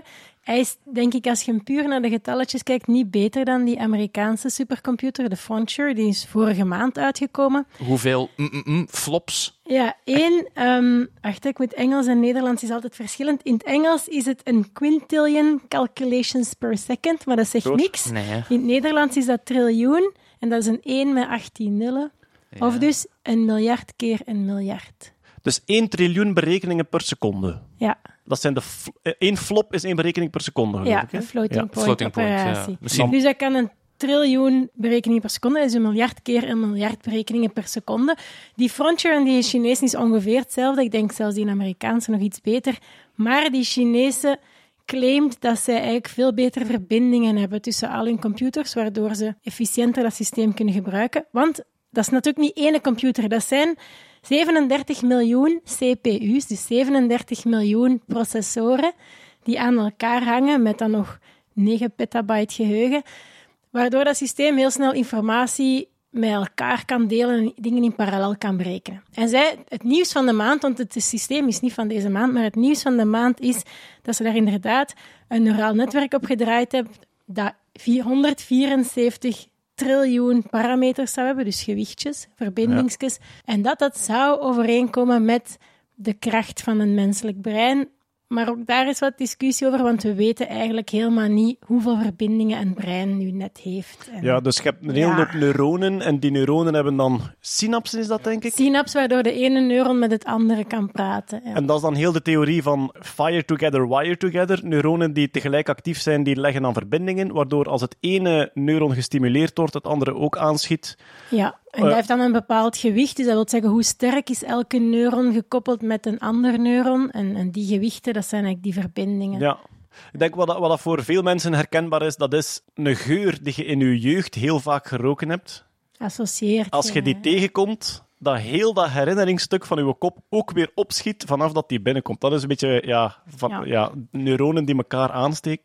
Maar een AI-systeem werkt gelijkaardig. Nu, wat, wat, was het, wat was het Engelse cijfer van hoeveel verbindingen dat ze gemaakt hadden? Quintil, ja, de verbindingen. Nee, dat is ja, 174 triljoen. Ja, een triljoen is natuurlijk geen Wacht triljoen. hoor, mil- dat is een eh, million, billion, trillion. Dat is Biljoen. een biljoen. ja. Biljoen in. Dus 1, 1 biljoen verbindingen, maar er stond direct ook bij, de journalist van het artikel zei van ja, de, de, de schattingen van synapsen in het menselijk brein gaan naar een honderdvoud daarvan. Of, eh, Ja, ze liggen gewoon heel ver uiteen. Eh, Wat is nog ook een verbinding, naar gelang hoe zwak en hoe sterk, welke zwakke dat je nog meepakt en ja, zo. ja, ja, voilà. Ja. Nu, het is heel moeilijk om over dat Chinees systeem informatie te vinden. Namelijk, wat doet dat net? Wat voor netwerk is gesimuleerd? Enzovoort. En vooral, hoe hebben ze dat gebouwd? Maar ik ben dan eens beginnen uitzoeken waarom. En, en dat vond ik wel interessant. Eh, een van de websites beweerde dat zij zo weinig vertellen over wat ze net gebouwd hebben, omdat dat heel hard, dat dat niet volledig gebouwd is met Chinese technologie.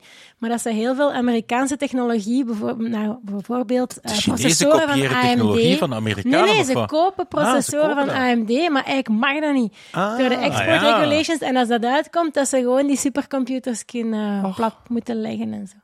Ja, supercomputers, dat gaat heel snel, hè, omdat ja, de technologie gaat zo snel vooruit dat zo lang zijn er geen, zo lang zijn er geen recordhouder tegenwoordig in een supercomputer. Nee, het gaat voortdurend de ene over de andere. En het is niet alleen wie heeft de snelste, maar het is dan ook, je hebt dan een top 500 en hoeveel computers van Amerika in de top 500 en hoeveel van China. En op dit moment heeft China meer supercomputers in de top 500 dan Amerika. Dus Amerika heeft nog de rapste, maar China heeft er veel meer. Oké. De trailer voor de aflevering is Lieve Scherry zegt, ja, supercomputers, dat gaat heel snel. Hè. en cut. Nonkel Boomer over computers. Gaat toch snel, hè? Alright, voilà. Dus de supercomputerrace eh, tussen eh, China en Amerika. En ja, vooral de claim dat het brain scale zou zijn. Wat Ja, en een van die Chinese ingenieurs die zei dan, "Eh, het is super parallel, net zoals een mens. It is like eating while watching television. Dat, Oké. dus dat, is het, dat is het doel van de computers. Om, Oké. eh, Dan ben ik ook een supercomputer. Ik zit hier nog maar te fretten aan 60 teraflops. Ja, eh, we gaan verder met uitermate serieus eh, wetenschapsnieuws uit de toptechnologie en het toponderzoek. Jeroen, ik kijk naar jou, dus dan weten we ongeveer welk soort onderwerp er aankomt. Dolfijnen drinken elkaars pies, Jeroen. Ja, en ze doen dat niet zomaar. We weten al langer dat dolfijnen eh, elkaar identificeren aan de hand van een speciale roep die ze alle twee hebben. Elk dolfijn heeft een uniek geluidsprofiel. Dus ja, dat, dat ik Wat zeg je. Flipper? Is er een schip gekaps, gekasp, gekaps, geskap? Ik, ik moet wat in je bek doen, Flipper? Eh, dus ja, dus iedereen heeft een uniek signaal. Nu, wat eh, eh, gedrag is dat ook geobserveerd, is dat dolfijnen signalen van elkaar nadoen. En zo elkaar een beetje om de tuin proberen te leiden. En mensen vragen zich af, oké, doen dolfijnen dat om eh, dolfijnen om de tuin te leiden, of om een algemener concept zoals ik ken die, wij zijn vrienden, om een soort Ah, ja. van bondgenootschap uit te drukken. Nu, wat hebben recent wetenschappers geleerd? Eh, dolfijnen gebruiken niet alleen de kaal om mee te identificeren, maar ook de smaak van de pipi. Dus wat doen dolfijnen? Die, die horen een kaal van iemand, die zwemmen daar naartoe. De ene dolfijn lost een beetje pipi, de andere zegt... Je bent het inderdaad, Kurt. Hoe hebben ze dat getest? Ze hebben dolfijnen in een bassin gezet en ze hebben de verschillende ehm, geluiden van dolfijnen die die dolfijnen kenden opgenomen.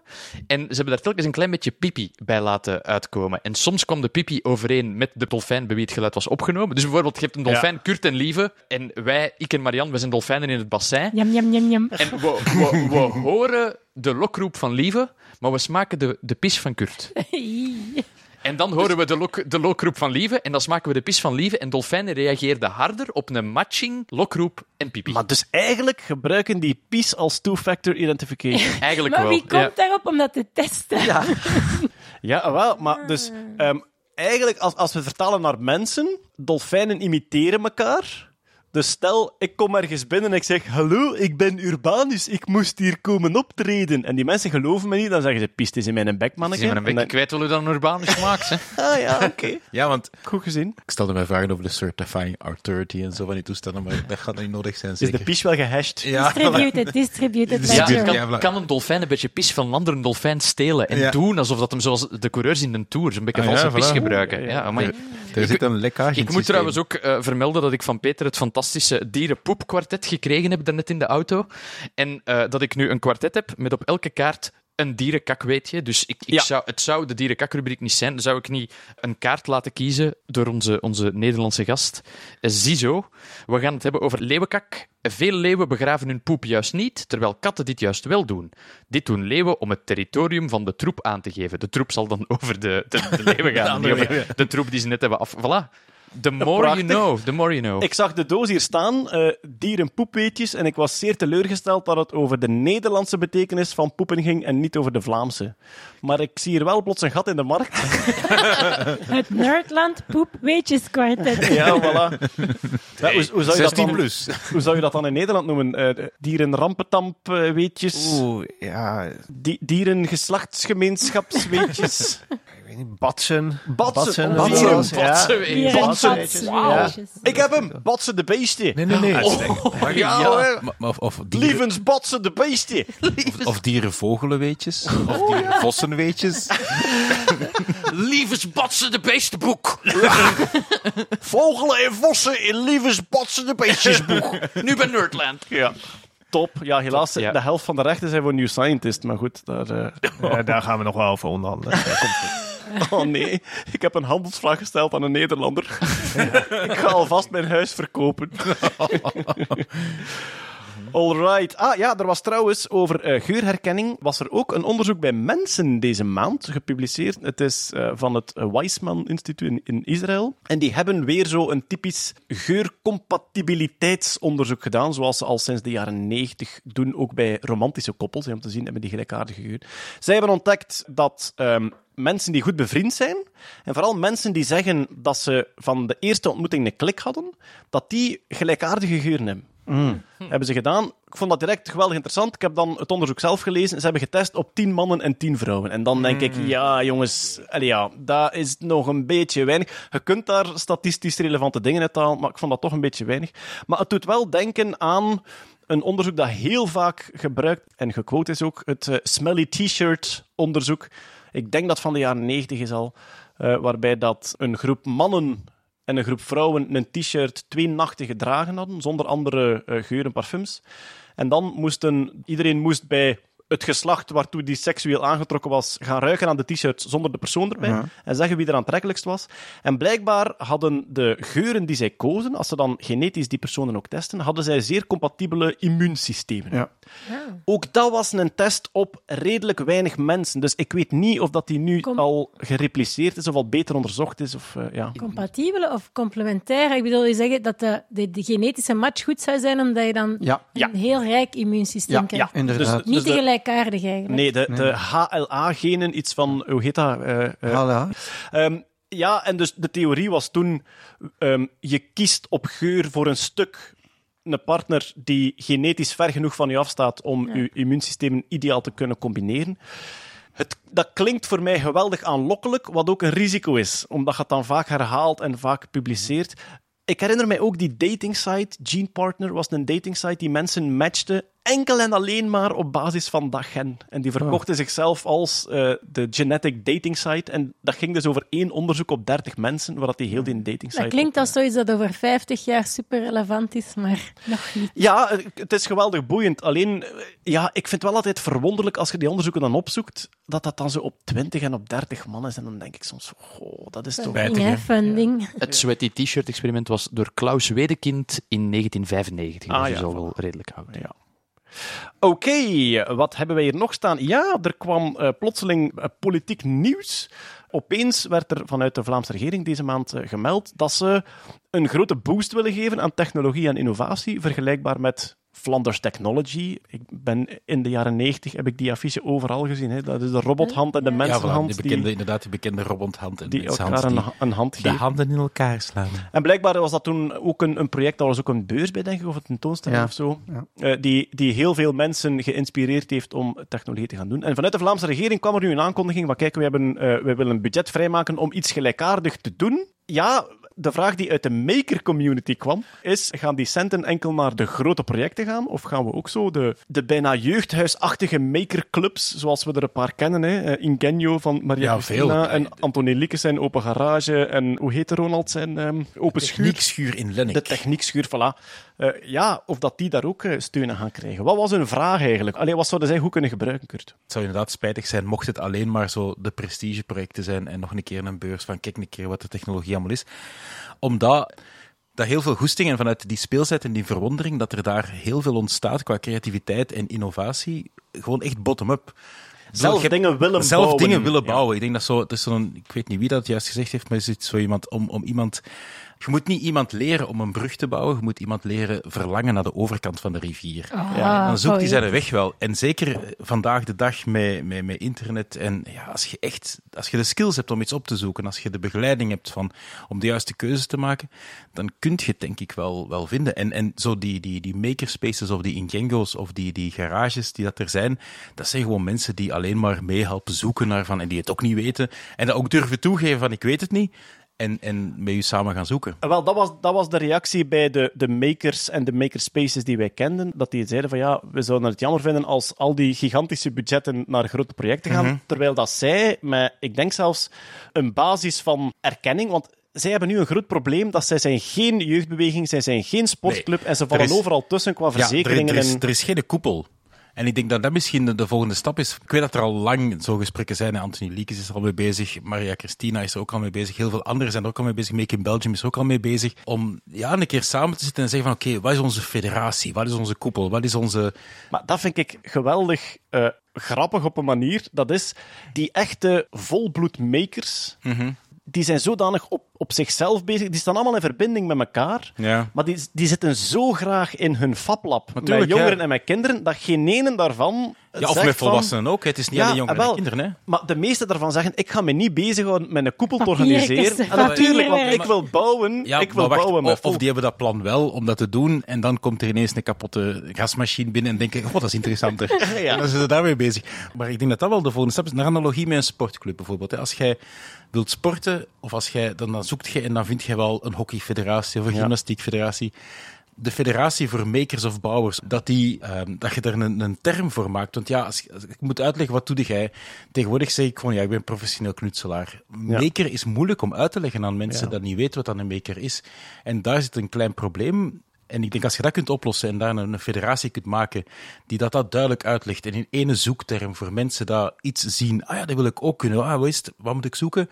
En dan iets in de buurt vinden. Ik denk dat dat gewoon is. Dat stap 1. En stap 2 is van, ja, dan de erkenning bij een Vlaamse minister van dat dat eigenlijk evenwaardig is als een sportclub voor vrije tijdsbeleving, dat daar bottom-up goestingsjes omgezet worden in skills, in expertises, in innovatie, mensen die dat dan warm gemaakt worden om dan verder te gaan studeren of om dan in het bedrijfsleven te duiken en dan daar echt dus economisch eigenlijk- gezien de innovatie gaan doen die dat Vlaanderen zo hard nodig heeft. Maar simpelweg een, een gemakkelijker manier om een makerclub op te richten en verzekerd te krijgen en ja. herkend te krijgen, dat zou al een gigantische stap zijn voor al die Ja, en daar zit, er zit bij de, bij de maker community een hele grote verantwoordelijkheid om die stap daar zelf eerst te nemen, denk ik ook wel, ja. Ik stel voor dat ze met zoveel mogelijk van het kabinet naar het Fright Camp komen. Bijvoorbeeld, Ja, ja. ja. Fright Camp of Make in Belgium. ja. Wanneer of is de Fright Camp? Fright Camp is 12, 13, 14 augustus. En voor de mensen die het niet kennen, het is een, een kamp voor hackers of voor families met kinderen, voor DIY'ers, voor We bouwers. gaan voor... even de, de betekenis van hacker hier uitleggen. ja. Hackers zijn vooral mensen die graag een toestel openmaken en daar iets nieuw mee bouwen. Het zijn geen Eigenlijk- eh, Of repareren, of... Ja. Ja, of er, eigenlijk hackers is het oneigenlijk gebruik van iets. van toestellen. van, dan, ja. van iets in het algemeen. ja, maar in dit het- geval... In ja. dit geval, maar bijvoorbeeld stel iemand die ooit op café gezeten heeft en er staat een tafeltje te wiebelen en die pakt een bierkaartje en die stikt dat onder een van de poten, die is eigenlijk die tafel aan het hacken. En dan roepen, Heel breed gezegd. Dan roepen alle oude mensen in het café, een hacker! Ja, vlucht! een hacker. Dat is een heks. Die moet op de, pensioen op de brand stapelen. Zo. Anyway, dus- voor mensen die daar eigenlijk openstaan om technologie en wetenschap te gaan gebruiken, of die dat zelfs ah, ja, moderne ambacht in het algemeen, of, of mee spelen en zo van die toestanden. Het is een gigantisch fijn kamp, bos, tenten, spelletjes, heel veel, soldeerbouten, eh, heel veel wifi. creativiteit en vrijheid. Eh, heel die camping is... eh, iedereen versiert zijn eigen tent met ledlampjes. En natuurlijk moeten ze dan een beetje flexen en laten zien dat ze dat kunnen laten knipperen met een Arduino en gelijk wat. De onderlinge sfeer is daar ook heerlijk. Dat ze, iedereen spreekt elkaar aan, je helpt elkaar ook, je hebt gedeelde interesses. Maar ik denk vooral om zo'n beetje de rebelse bottom-up kant van ja, makerschap en innovatie te leren kennen als je een politieker bent of een stemleerkracht of zo. Fright Camp, daar moet je gewoon echt naartoe Absoluut. komen, want daar, daar zie je die community Daar zitten vooral heel erg. Ja, voilà. En goed, we hebben nu stemleerkrachten vernoemd. Ehm, ik denk vanuit de politiek dat ze vaak zeggen van ja, we zijn stem toch geweldig aan het opwaarderen in het onderwijs. Dat klopt en ik ben daar op zich blij mee dat die richting eindelijk bestaat, die niet bestond in mijn tijd. Maar je merkt nu ook wel, door die gigantische groei van die stemrichtingen de voorbije jaren, dat dat ook wat zijn eh, neveneffect begint te krijgen. Er zijn mensen die zich geweldig beginnen ergeren aan het feit dat alles stem moest zijn. Er zijn ook heel vaak scholen die stemrichtingen willen aanbieden, maar die niet de leerkrachten hebben met die makerskills Ja, om nog, die dingen ja, te nog geven. tekort aan mensen die daar echt in Ja. opgeleid zijn. Hè, Ja, het voilà. te begeleiden. Het voornaamste moeilijkheid is, het is begeleiden van open opdrachten. Hè. Niet van het maken van een nestkastje volgens een voorgedefinieerd plan. De handleiding mag weg. Ja, de handleiding mag weg en de creativiteit is niet het versieren van het nestkastje op het einde, Ja. maar eerder van oké, hoe gaat dat er bij mij Zelf uitzien? En Probleemoplossend dat is denken. Anders dan bij iemand anders. Ja. Ah, wel, ja, ik las het de laatste tijd vaak in de krant. Dat ging dan voornamelijk om, er, er was nu iemand die aan het klagen was dat de eh, Latijnse richting, dat die enkel maar met zware wiskunde aangeboden werd in het middelbaar. En ik vind dat persoonlijk een terechte klacht. Als jij niet graag wiskunde doet en wel graag Latijn, dan vind ik dat een zeer terechte vraag om te zeggen, geef mij nu een keer die richting met Latijn zonder wiskunde. Ehm, los daarvan is, ik doe Latijn graag, misschien de enige reden. ik ga zwijgen, voor ik weer 10.000 e-mails eh, krijg. Maar bij die mensen eh, las ik vaak een soort frustratie van, eh, het is allemaal stem tegenwoordig. Ja. En in mijn meest menslievende momenten denk ik van, dat is eigenlijk waar. Ik doe dat graag, maar ik heb, ik heb vaak dingen tegen mijn goesting moeten doen. Ik vind nu die de andere mensen tegen hun zijn stem moeten doen. En in mijn minst eh, menslievende momenten denk ik van, ah ja, nu gaan de Latinisten opeens beginnen zeggen dat wij elitair zijn. Wel, boo fucking who. De wraak van enkele decennia komt op jullie neder. We leggen een computer plat. Ik moet dan zo vaak denken aan... Ik heb ooit eens met een, een leeftijdsgenoot van mij gebabbeld. En waarover gaat uw thesis? En ik had ja, een stemonderwerp, eh, visualisatie van grote hoeveelheden data. En hij had de verschillende gebruiken van het woord misschien in 15e-eeuwse Spaanse literatuur. En de... De nuttigheid van tussen de twee onderzoeken werd even zeer palpable. En met alle respect voor taalkundigheid, maar dat was wel zo even van... Ah, Maar ik moet zeggen, ik vind het nu zodanig nerdy klinken dat ik er onmiddellijk verliefd op ben. Wel. De, de, de verschillende maar, gebruiken van Zijn, het zijn, er woord zeker, misschien. zijn er zeker of is het misschien? Ja, ja, sowieso misschien. Alright, eh, we zijn al veel te lang bezig eh, zonder een eh, vaste rubriek van onze podcast, namelijk het...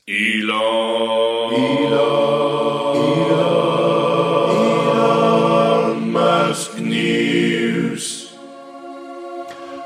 nieuws. Niet superveel, maar toch een paar dingetjes. Eh, laat ons openen met eh, Musk, Tesla en SpaceX zijn aangeklaagd voor een Doge, Dogecoin. Hoe spreekt het uit? Dogecoin? Dogecoin. Sorry, ja, nee, nee. Dogecoin, denk ik. Dogecoin eh, voor een eh, zogenaamd eh, pyramid scheme. Dus Dogecoin is een van de vele cryptomunten, is gestart als een soort parodie. Als een mop, ja. Maar eh, Musk begon dat dan constant te pushen, waardoor dat dan wel populair werd, waardoor dat al die speculanten daar opvlogen. Er wordt al vaak gezegd van cryptomunten, nou ja, we gaan heel onze, heel onze uitleg hier niet herhalen. Er wordt vaak gezegd van cryptomunten, de effectieve waarde is er wel, maar die is veel lager dan wat er nu gebeurt, omdat mensen gewoon speculeren van, ja, the bigger fool will pay more. Ehm, en er wordt vaak gezegd, het is een piramideschema, want je stapt in en eigenlijk de enige reden waarom dat er waarde vermeerderd wordt, is omdat er daarna meer mensen instappen. Eh, Musk heeft Dogecoin regelmatig gepusht. Is dat nu ook gecrashed? Want er is een soort ja, er is van crypto-crash. alles gecrashed. Ja, ja, absoluut. Maar je ziet eigenlijk altijd dat bitcoin het slecht doet en alle andere eh cryptomunten, hun waarde hangt eigenlijk een beetje vast aan die bitcoin. Alhoewel ze op goede momenten allemaal zullen zeggen van ja, nee, wij zijn daarvan losgekoppeld, wij varen onze eigen koers. De algemene tendens is, als de bitcoin crasht, dan eh, crasht de rest mee en waarschijnlijk nog harder. Eh, maar ja, Musk is dus aangeklaagd omdat hij die munten regelmatig vermeld heeft op zijn Twitter, omdat hij regelmatig ja, daar, daar reclame voor gemaakt heeft. Tijdens zijn passage bij Saturday Night Live heeft hij ze ook even vermoemd eh, in een tenenkrullende sketch, eh, waarin hij de Doge-vader is. Ehm. Ja, pijnlijk. En er is dus een man in een of andere staat die hem aanklaagt van kijk, je hebt dat verkocht eh, en ik ben daar veel geld aan kwijtgeraakt. Maar de kans dat die rechtszaak er effectief komt, is heel klein blijkbaar, omdat het Ja. zeer shaky grond is om iemand op aan te klagen van Pyramid Scheme. Het is niet tegenover die Herbalife-achtige dingen, Ja. dan, dan zit je echt met mens aan mens verkoop en iemand dat in uw living komt zeggen van dit is veilig en dit is geen Pyramid Scheme en koop het. eh, en dat is in dit geval eigenlijk allemaal niet gebeurd. Dus. Ja, wel, het is inderdaad eh, het is iemand die er veel geld aan kwijt is. En ik, eh, ik heb de indruk dat hij zoekt naar lotgenoten om dan allemaal samen een krachtig blok te vormen en dan eigenlijk te kunnen zeggen, jullie hebben dat gepromoot terwijl het eigenlijk eh, geen intrinsieke waarde had, dus je moet mij schadevergoeding betalen. Nu, het enige het enige wat je zou kunnen ontdekken bij iemand, dat is een zogenaamde pump en dump. Dus als je het heel hard aan het promoten bent en dan zelf snel verkoopt, dan is het bijna aantoonbaar. Je geloofde er niet in. Je hebt het alleen maar opgepompt om het zelf te kunnen dumpen en winst te maken. Maar ik weet niet of dat, of dat zoiets te zien is in de transacties van Musk zijn Dogecoins of, eh, of gelijk wat. Nu het toch over cryptocurrency gaat, gaan we toch eventjes de facepalm van de maand Oh er nee. Jeroen, ik zie je in elkaar krimpen. Ja, er is een Belgische bank. Geen sponsor. Waarschijnlijk, waarschijnlijk ook nooit een Nooit sponsor. meer van. Er is een Belgische bank die een eigen cryptomunt gelanceerd heeft. Ehm, goed, het is iedereen zijn goed recht om te zeggen van kijk, wij gaan zelf een gedecentraliseerde ledger lanceren waarop mensen kunnen inschrijven. Wat is het facepalm-gehalte? Eh, het is KBC en die hebben een cryptomunt gelanceerd. Dus ja, wat is de basis van een cryptomunt? Dat er geen ene controleur is van de waarde, maar dat dat gedecentraliseerd is. De community, via die bitcoin mining, de community houdt eigenlijk constant de validiteit bij van wie dat hoeveel bitcoin heeft. We houden allemaal tezamen het grote logboek bij en we hebben er allemaal baat bij dat het klopt. Met hoeveel we ook zijn en met hoeveel slechte actoren er zich ook op het internet bevinden. Er is een wiskundig bewijs dat we kunnen aanhalen. Het Ja. boek klopt en wij hebben er baat bij dat het boek blijft kloppen. Door de grote groep kunnen Voilà. enkelingen er geen misbruik van maken. Maar wat heeft KBC Een eh, cryptocurrency die door hen alleen centraal gecontroleerd wordt. Het heet de Katecoin. En ik moet zeggen, Johan Thijs, CEO van de KBC-groep, zegt: Het is geen cryptomunt. Het is digitaal geld gebaseerd op de blockchain. Eh, Dus het is een gedecentraliseerde oplossing die ze centraal beheren. De enige gebruiker van de munt is ook KBC, want zij verdelen de munten onder hun gebruikers en je koopt de munten aan met gewoon euro's. En eh, eh, schommelt de waarde ervan? Kun je erop speculeren? Of, ehm, Ik denk het niet. Nee, het is niet te verhandelen buiten, buiten het, het platform van de KBC ook niet. Je kunt ze niet, niet doorgeven. Ehm, het is eigenlijk een fancy klantenkaart. Ah ja, oké. Voilà, kijk, de gecentraliseerde versie van de gedecentraliseerde oplossing van... Ja, En, hoe heet het? De Kate Coin? Katecoin. Met een C-A... Kate, zoals de naam. Ah, K-A-T-E. oké. Kate is, eh, Kate is zo de, de virtuele assistent ook van, van KBC, geloof ik. Oh, geweldig. Ja, wat van alles. Bon, kijk, eh, maar dus eh, Musk aangeklaagd voor zogezegd pyramid scheme eh, bij de Dogecoin. Dogecoin, zien of dat, dat eh, ja, hoegenaamd tot een rechtszaak komt, valt nog af te wachten. Wat ik mij ook al heel de maand afvraag is, hoe zit het nu met Musk en Twitter? Inderdaad, het is stilletjes, hè. Het is de hele tijd van Hij wel of niet. heel of- veel tamtam gemaakt rond het feit van... Ik denk dat er veel bots op Twitter zitten. Dus eh, accounts die niet, die No niet worden shit, uitgebreid. Ja. Sherlock. En eh, Twitter had hem daar cijfers over gegeven van een bepaald percentage. Ik weet het percentage niet meer. En hij had zelf een random steekproef bij zijn volgers gedaan en hij kwam op een veel hoger cijfer uit. En dat vond hij, wetenschappelijke methode als het is natuurlijk, om van één account dat te analyseren, maar wat, dat vond hij absoluut niet kunnen. Twitter had tegen hem gelogen over die cijfers en dat was volgens hem een dealbreaker. Maar nu zou er toch terug eh, water bij de wijn gedaan zijn. Dus het schippert zo constant een beetje tussen... ehm, ja, hij gaat het kopen en hij gaat het niet kopen. Ja. Ik, ik denk eigenlijk dat de hype voorbij is en dat het hem dan ook niet zo hard meer interesseert. Ja, dat werd, dat werd ook vaak gezegd van, hij zoekt een uitweg. Ja. Ehm, eh, het, het was inderdaad een grote hype, maar er stond een immens bedrag tegenover en nu denkt hij van, goh, laat ons maar iets anders Hij heeft doen. al een, een eerste meeting gehad eh, met de werknemers van Twitter, als toekomstig aandeelhouder of, of eigenaar van Twitter. En hij heeft al gezegd van we moeten meer worden zoals WeChat in China. Dus vergeet het sociaal netwerkplatform, we gaan WeChat worden. Dat is een app in China waarmee dat je chat, waarmee je boodschappen doet, waarmee dat je Betaalt, eh, ja. date, waarmee dat je betaalt, waarmee dat... Dus, dus dat... Mensen leven op WeChat in ja, China. dat, ja. dat wil hij van Twitter maken. Ja. Of is toch wat dat hij toen eh, uitkraamde. Wat dat gewoon al niet gaat, omdat er is nu al zoveel druk op die antitrustwetgeving. Hè? Dus de, tech- de techbedrijven niet te groot worden. En als je zegt, ik wil echt alles Los overheersen, van het dan... feit dat dat een goed idee... Allee, ja, bedoel... dat ook al, ja. Voilà. ja. Dus ja. ehm, Oké, ja, er was heel veel te doen over zijn Twitter-gedrag, zoals altijd, ook met zijn werknemers. Hij zei daar iets over waarvan ik weer denk, wat, wat bedoel je, Elon? Ehm, hij zei, ik gebruik Twitter als een haarstijl.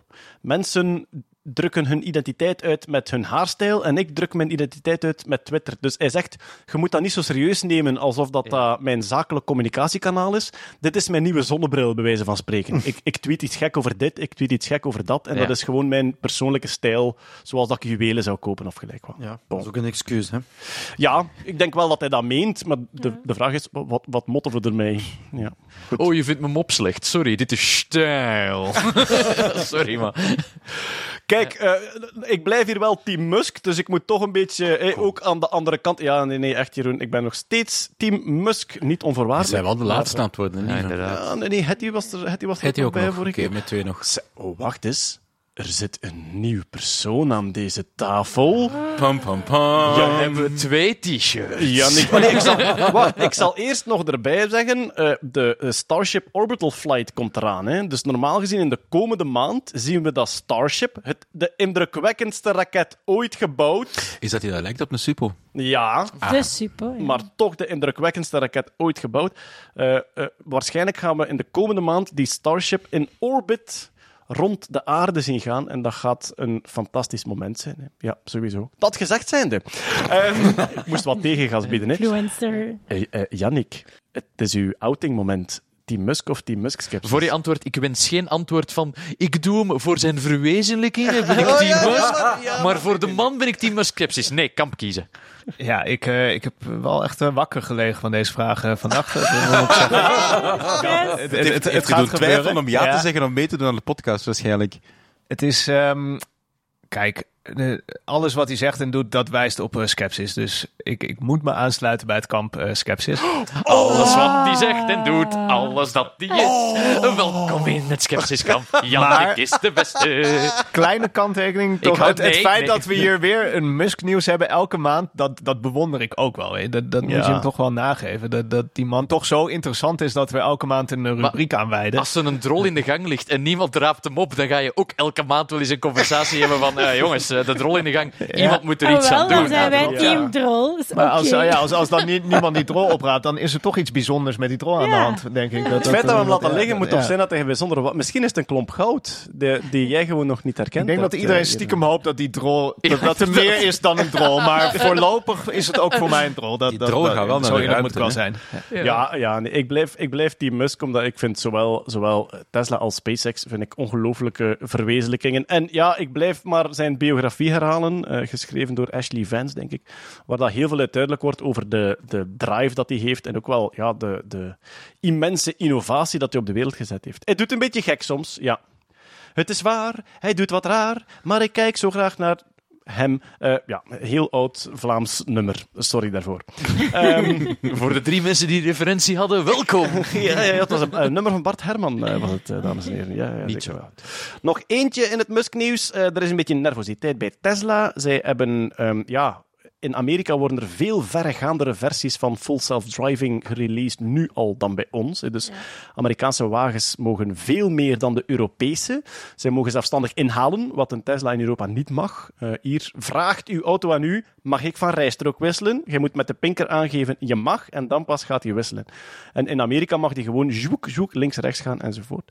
Ehm, ze gaan daar nu nog een stap verder in eh, met een volgende versie van Full Self-Driving, die alleen voor, ja, voor bepaalde profielen opengezet wordt. Dus niet iedereen kan er zomaar op intekenen. Maar vorige maand of twee maanden terug is er een zelfrijdende Model X ingereden op een politiewagen. Die geparkeerd stond bij een Moet je niet doen, hè. You had one job. Er was blijkbaar een ongeval gebeurd. Daar stond een politiewagen stil met de flikkerlichten aan. En een Model X is daar eigenlijk knal op ingereden. De chauffeur was stom dronken. Dus eh, ja, wat niet mag. Dat is dan ook de verdediging van Tesla. Van, kijk, er staat heel duidelijk in onze gebruiksvoorwaarden dat je ten allen tijde controle houdt over het voertuig en dat je altijd kunt overnemen als dat alarm afgaat in uw auto. De chauffeur was stom dronken, dus ehm, de eh, agenten die gewond geraakt zijn, hebben twee mensen aangeklaagd. eh, namelijk Tesla, het bedrijf, omdat die zelfrijdende auto verkeerd gereageerd heeft. En de cafébaas die die persoon zat gevoerd En heeft. niet de persoon zelf. En, en ja, die misschien ook wel, ja. En de persoon laten rijden heeft. Ja, op basis daarvan, op basis van dat ongeval, werd er gezegd van we moeten ehm, meer onderzoek doen naar de regulering. Mag dat wel al? Mag dat wel al op de openbare weg? En dat onderzoek gaat nu een nieuwe fase in. Dus in de eerste fase was het onderzoekend. En nu zeggen ze, ja, we gaan echt ook een engineering test doen van dat ding. En bij Tesla zijn ze daar heel nerveus over, want blijkbaar is dat de laatste fase voordat er een officieel verbod zou kunnen komen. Mooi. En dus daar zijn ze een beetje Hebben jullie zin in roddels en achterklap? altijd. De National Highway Traffic eh, Safety Administration in de Verenigde Staten heeft verschillende Tesla's onderzocht die gecrashed zijn. Dus auto's die gecrashed zijn. En wat bleek, dit is puur speculatie, hè. Een seconde voordat die auto's crashten, was de autopilot uitgeschakeld. Waardoor die crash in de statistieken niet meetelt als veroorzaakt door de autopilot. En dan gaan er stemmen op die zeggen van, ah, dat is voorgeprogrammeerd gedrag. Vanaf dat die auto doorheeft van, ik ga ergens tegenrijden, wordt de autopilot uitgeschakeld, waardoor het niet in de statistieken komt als veroorzaakt door autopilot. Het kan ook verklaard worden door, de auto denkt dat hij gaat crashen en zet alvast wat systemen af om die te beschermen. Dus dat is, dat is opgeworpen door de, de NHTSA in deze hele discussie. En ik vond het wel een, een, een juicy feitje, maar het kan ook heel onschuldig verklaard speculatief. worden. Het is puur speculatief. Het is speculatief, dus misschien is het zo. Dat valt bij deze niet te ontkennen. Maar sowieso, vanaf dat de zelfrijdende auto doorheeft... Ik snap deze situatie niet meer. Ja. Gaat er altijd een alarm af in uw auto en zegt die: Jij moet nu overpakken. Ja. En goed, als dat effectief één seconde voor de crash is, dan denk ik, ja, dan kun je het even goed niet doen.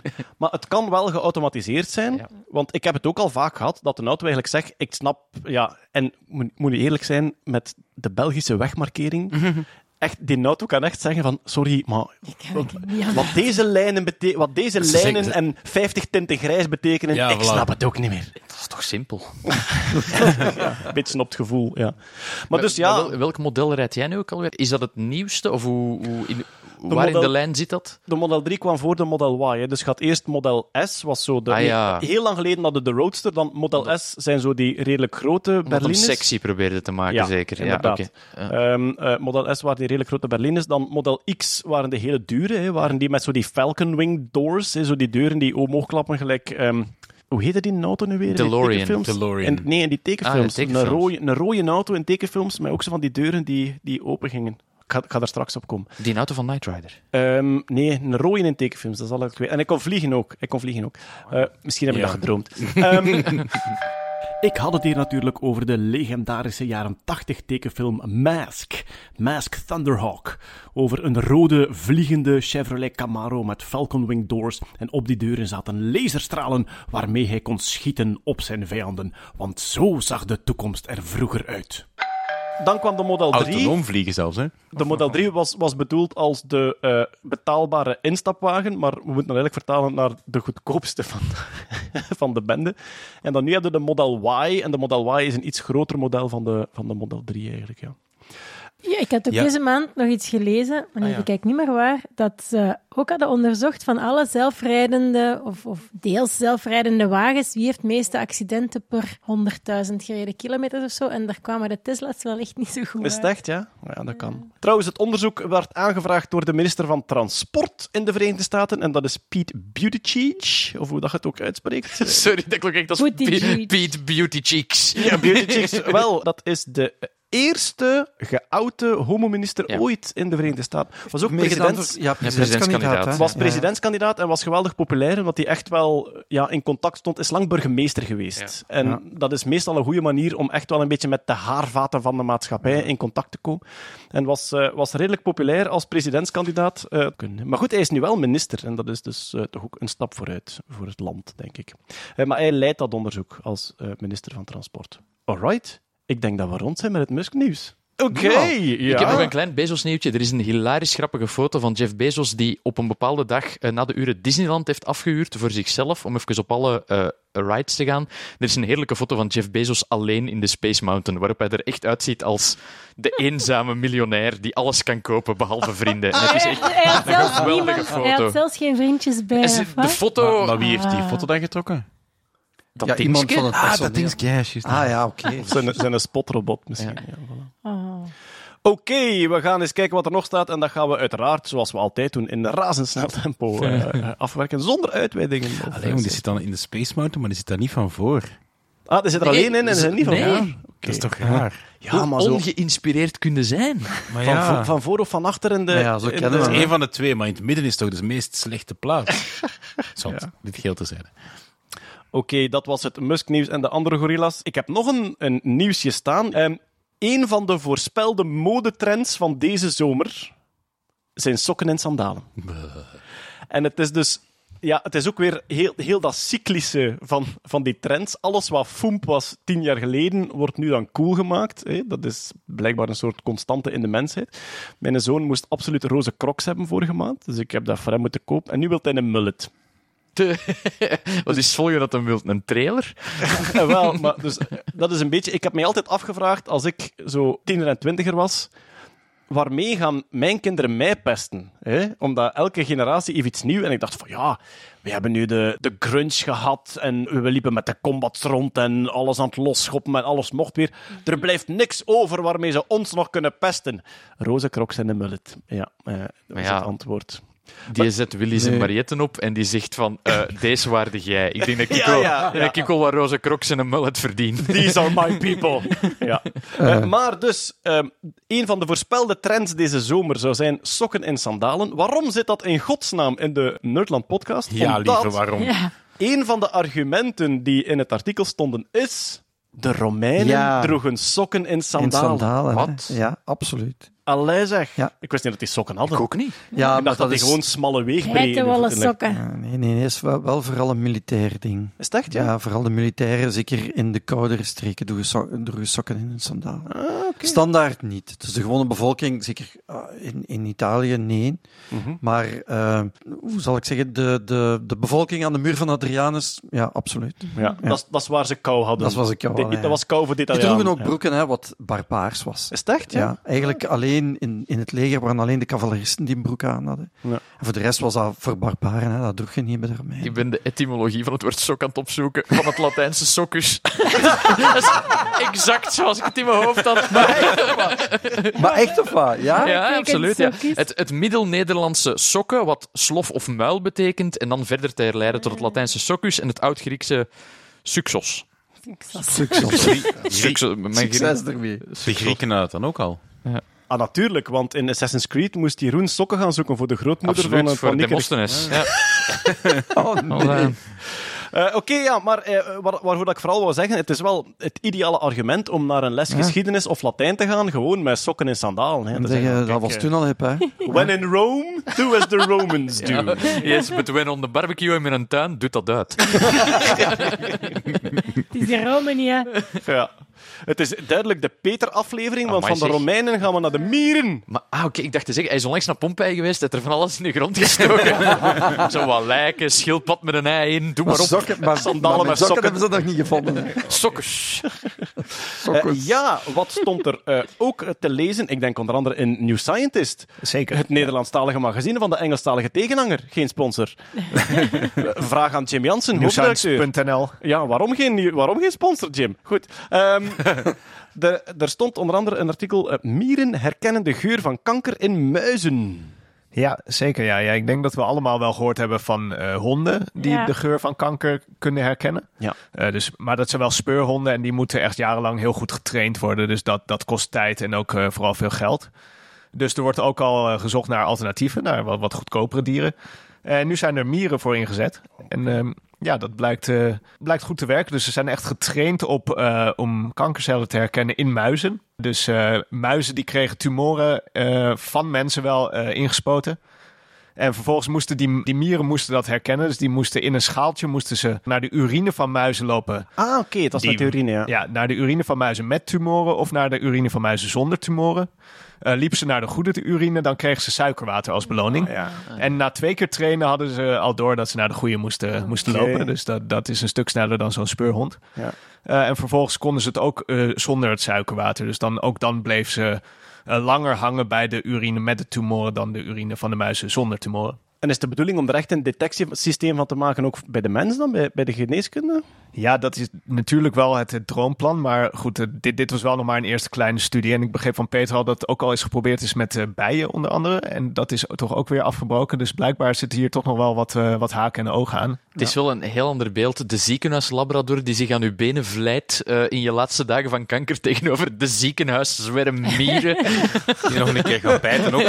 Ja, zeker waar. Maar ik denk dat het vooral in een vroeg stadium wordt Ja, gebruikt ah, eigenlijk. Ja. Eh, Want En alleen als je al half dood bent, is het niet echt meer nodig. Wat ik mij dan afvraag, is dat dan nauwkeuriger dan andere testen dat we hebben? Of, of wat is het voordeel ten opzichte van onze huidige Sneller, hè? Dat is goedkoper, ja. Sneller ook. Ah, bedoel, wel, als, je, als, je, als je een staal moet eh, naar het labo doen, dan ben je er op zijn minst één dag, twee dagen op aan het wachten. Ja, maar die speciale mieren zullen ook ergens ver weg in een labo zitten, hè? toch niet Ja, bij maar een nee, maar- huisdokter of zo? Ja, Ah, ja. maar daar kunnen ze het om. Die mieren zijn getraind en die zijn dan, hoe zal ik zeggen, bij wijze van spreken klaar voor gebruik. En dan kan je het gewoon zo doen. Insecten trainen om geuren te herkennen. We hebben het ook al ooit vernoemd met die bijen die gebruikt werden om explosieven te vinden in Ja, ja, het luchthavens. is dat wat Janneke juist zei. Ja, voilà. Dus dat is in plaats van een speurhond die, die bommen zoekt, Ja. dat ze eigenlijk met bijen die getraind waren. Dat Ja, het grote voordeel daarvan is dat je die bijen en dus ook die mieren op, laten we zeggen, 20 minuten, een half uur kan trainen. Terwijl een hond gemiddeld een half jaar intensieve training Ja, ja. per Ja. geur is. Voor de duidelijkheid, die bijen die zaten in kleine kotjes. Hè. Het is niet dat ze Ja. die gelijk loslieten aan de security. En van... Nee,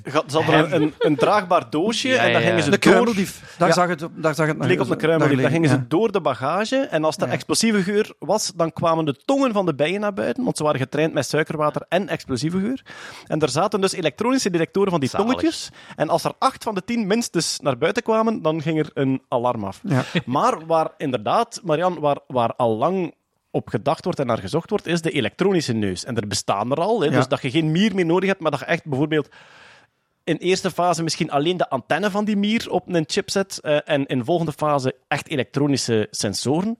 En ja, dat is toch iets waar dat ik vaak eens over kan filosoferen. Misschien hebben we over 10, 20 jaar de allesruiker. Hè? Dus in plaats van uw branddetector in uw huis, een, Ja. een unit Maar- die alles ruikt, de ziektes ze- van de bewoners, de yoghurt die slecht wordt in de koelkast, alles. Maar er, worden toch al, eh, er zijn toch al dingen ontwikkeld met zo van die eh, biomoleculen. eh, Ze kunnen al bepaalde geuren capteren, maar ik denk Ja. dat, maar ik ben ook geen expert in, maar het ding is, een je ruikt een geur een beetje als een smaak, denk ik, omdat een molecuul dat in de lucht is goed klikt op iets dat dan ja, in je neus en een je- en reactie je moet geeft. verschillende En je moet dus eigenlijk voor elk ding waar je wilt detecteren bijna een aparte receptor hebben. En dat ja, is gigantisch combinaties veel. van Ja. receptoren, dat Ja. ook. Hè? Dus Ja. dat elke receptor een bepaald signaal geeft en dat die combinatie dan... Omdat heel veel geuren zijn ook een combinatie van verschillende moleculen. Ja. Het is niet altijd één molecuul is één smaak, geur. ja, voilà. en de, de mogelijkheden zijn echt eindeloos. Ja, want Ja. met, met licht Ja. bijvoorbeeld heb je gewoon, het is een bepaald aantal nanometer en dat is het. Ja, met En- geluid met, ook, met geluid ook, ja. Precies, de frequentie is gewoon een getal en, Ja, en je hebt een bepaald bereik en Ja. op een gegeven moment houdt het op. Maar met geur heb je zoveel Veel mogelijkheden, dus Ja. dat gaat maar door. complexer. Ja. Ja. Maar goed, het is ook met eh, corona was het wel een tijdje heel populair, volgens mij de elektrische neus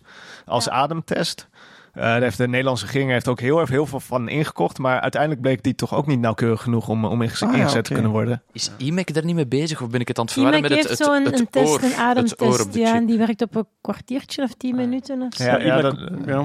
ja, het was echt de bedoeling dat dat eh, bij de cafés en zo bij de ingang eh, geplaatst zou kunnen worden. Maar ja, het, het lijkt toch echt moeilijker dan, eh, dan gedacht. Ja, IMEC werkt ook aan eh, lab on a chip. Hè, dus dat Ja. je eh, een, een druppel bloed ergens op, eh, Ja. op een chip legt en dat die een immense bloedanalyse maakt, gewoon ter plaatse op die, op die vierkante cent. De belofte van Theranos, eigenlijk. Dat, de, Ja, dat dat Amerikaans waar. bedrijf met die oplichter die van alles Ah, belooft. ja, over maar snelle daar zat echt bloedanalyse. wel niks Daar zat achter, niks achter, Dat nee. is wel iets anders. Dat was een machine en dat bloed werd verzameld, werd dan naar een labo gestuurd en dan terug. Ja. Dat was- Eh, nog meer in nieuws. Peter, eh, jij gaat mieren zoeken met je hond.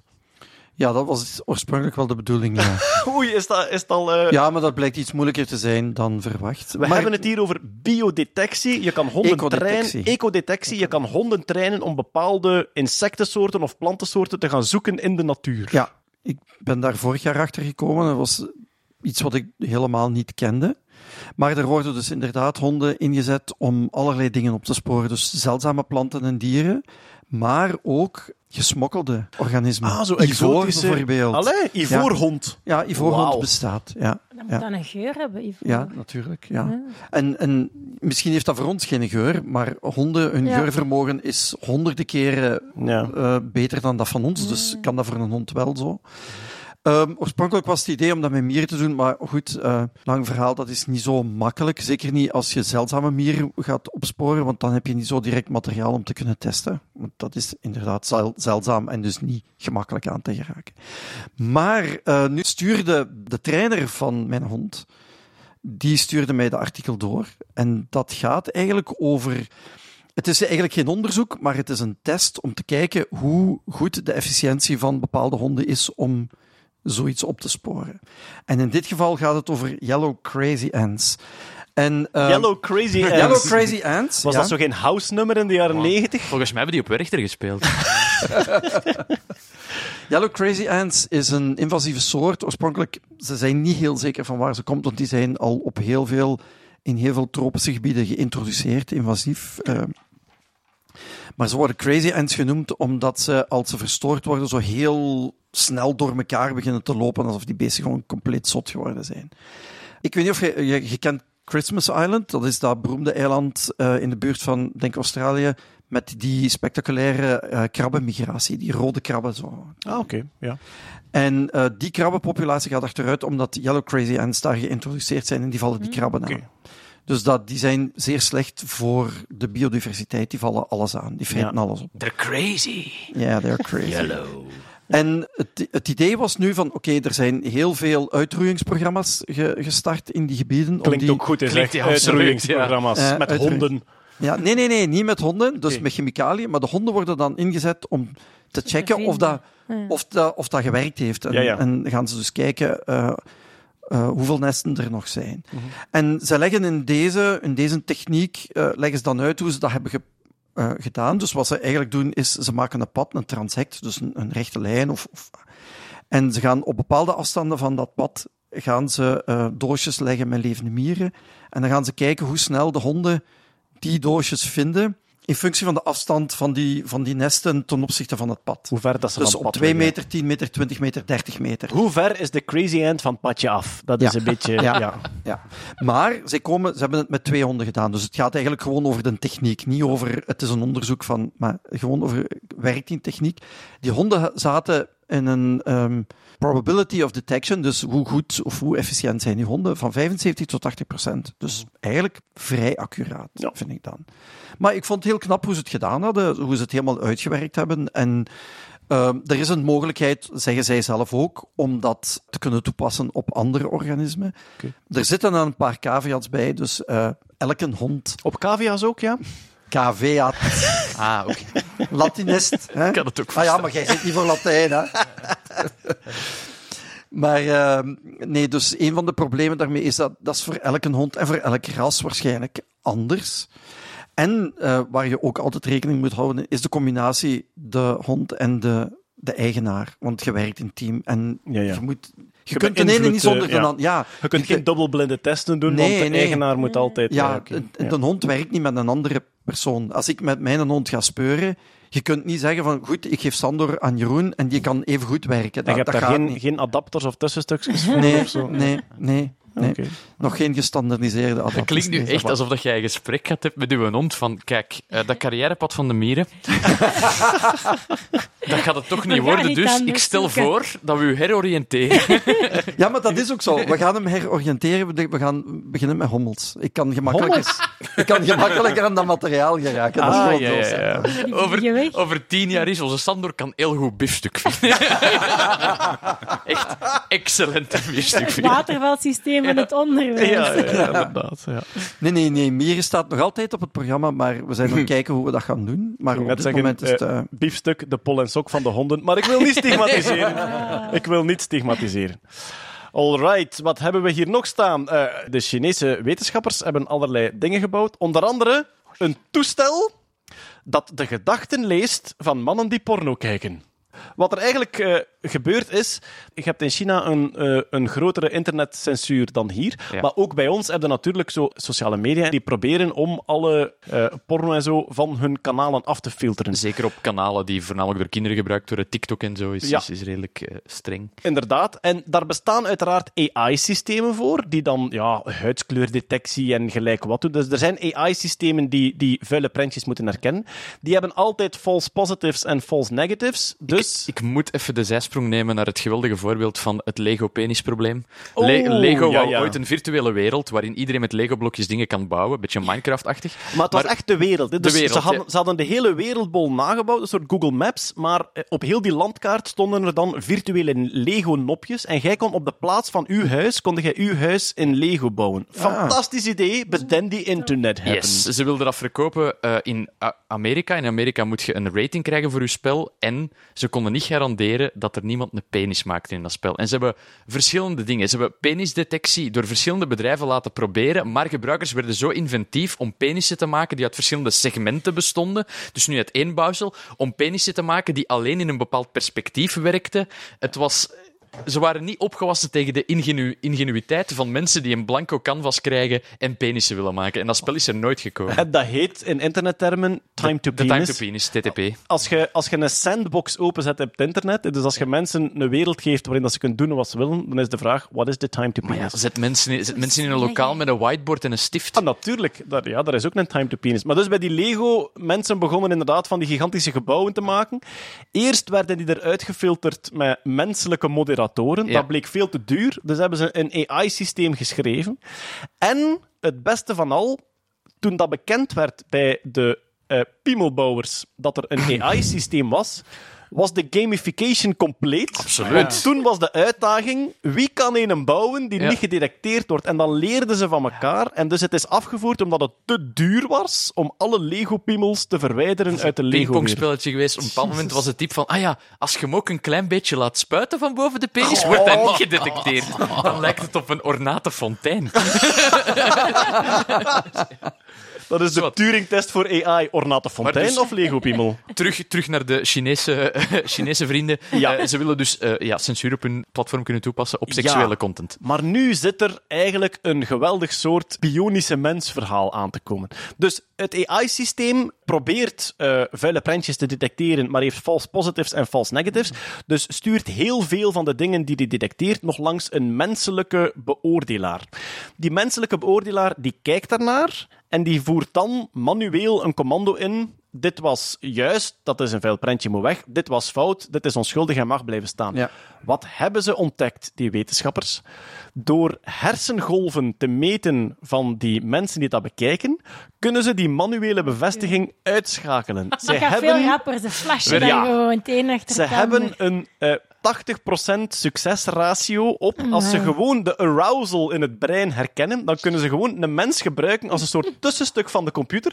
Getoont die een prentje en de hersendetectie meet van, ah ja, veel prentje. Ze, ze meten de focus eigenlijk van die persoon. De, de mate van opwinding. Neemt Ja. dat effect niet af na een paar maanden? Als je zo'n paar maanden moderator bent en je hebt elke dag 9 Ja. to 5. Ja, Allee, ik denk uit ook ervaring. Ik denk nu ook als ze Herman van Rompuy daarin zet, dat alles passeert ook gewoon. Dat dat gewoon van no arousal detected. Dat, ja, dat We're ik. hitting him with the hardest porn we've got. This guy's a rock. Oké, hier dan de verklaring van het Europese verdrag van samenwerking. Oh ja, er is inderdaad Er een, eh, ja, grote opwinding. Ja. Oh, een addendum. He's off the charts. Voilà, maar kijk, eh, eh, op, ja. daarom hebben ze dus eigenlijk een toestel gemaakt dat gedachten leest van pornokijkende mannen. Creepy en dystopisch om die twee ja, seconden gij. om op die knop te duwen ook En te heb het proberen te... gevoel dat een robot een mens gebruikt Ja, voor iets dat wij een robot voor zouden gebruiken? Ah ja, dat is toch Eerlijk, raar? er zit hier wel een schoon linkje naar die mieren met die geurdetectie. Die computer gebruikt ons als Ja. mier. Ja. Van zie, deze mens kan porno detecteren. We gaan zijn hersengolven gebruiken. Dat is ook Ja. 20 seconden training en dat is klaar. Hè. over, over ja, tien jaar zitten we allemaal in zo'n bakje en als er acht linksjes uitsteken, als er acht clubjes omhoog gaan, dan weten dat... Alright, dan hebben we nog wat snel nieuws staan. Ah, dit was het snelnieuws niet. Oké.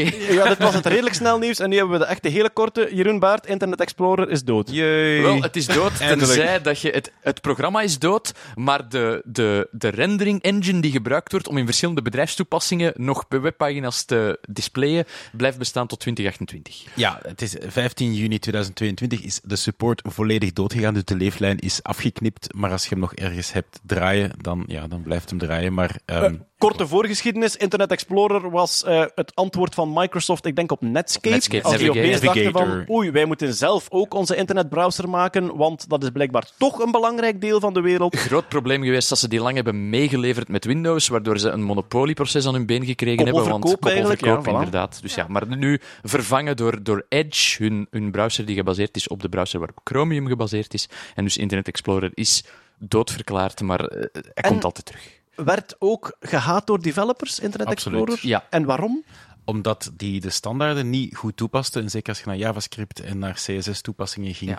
dan deed hij dat niet. En het extra frustrerende was, is dat goede browsers gelijk Chrome en Firefox, ah, goede browsers voor developers bedoel ik dan, Ja. Jeroen, want je kijkt al vies natuurlijk. Er het. zijn geen goede I know, browsers. I know. Ik heb je talk gehoord. Ja, heel goed.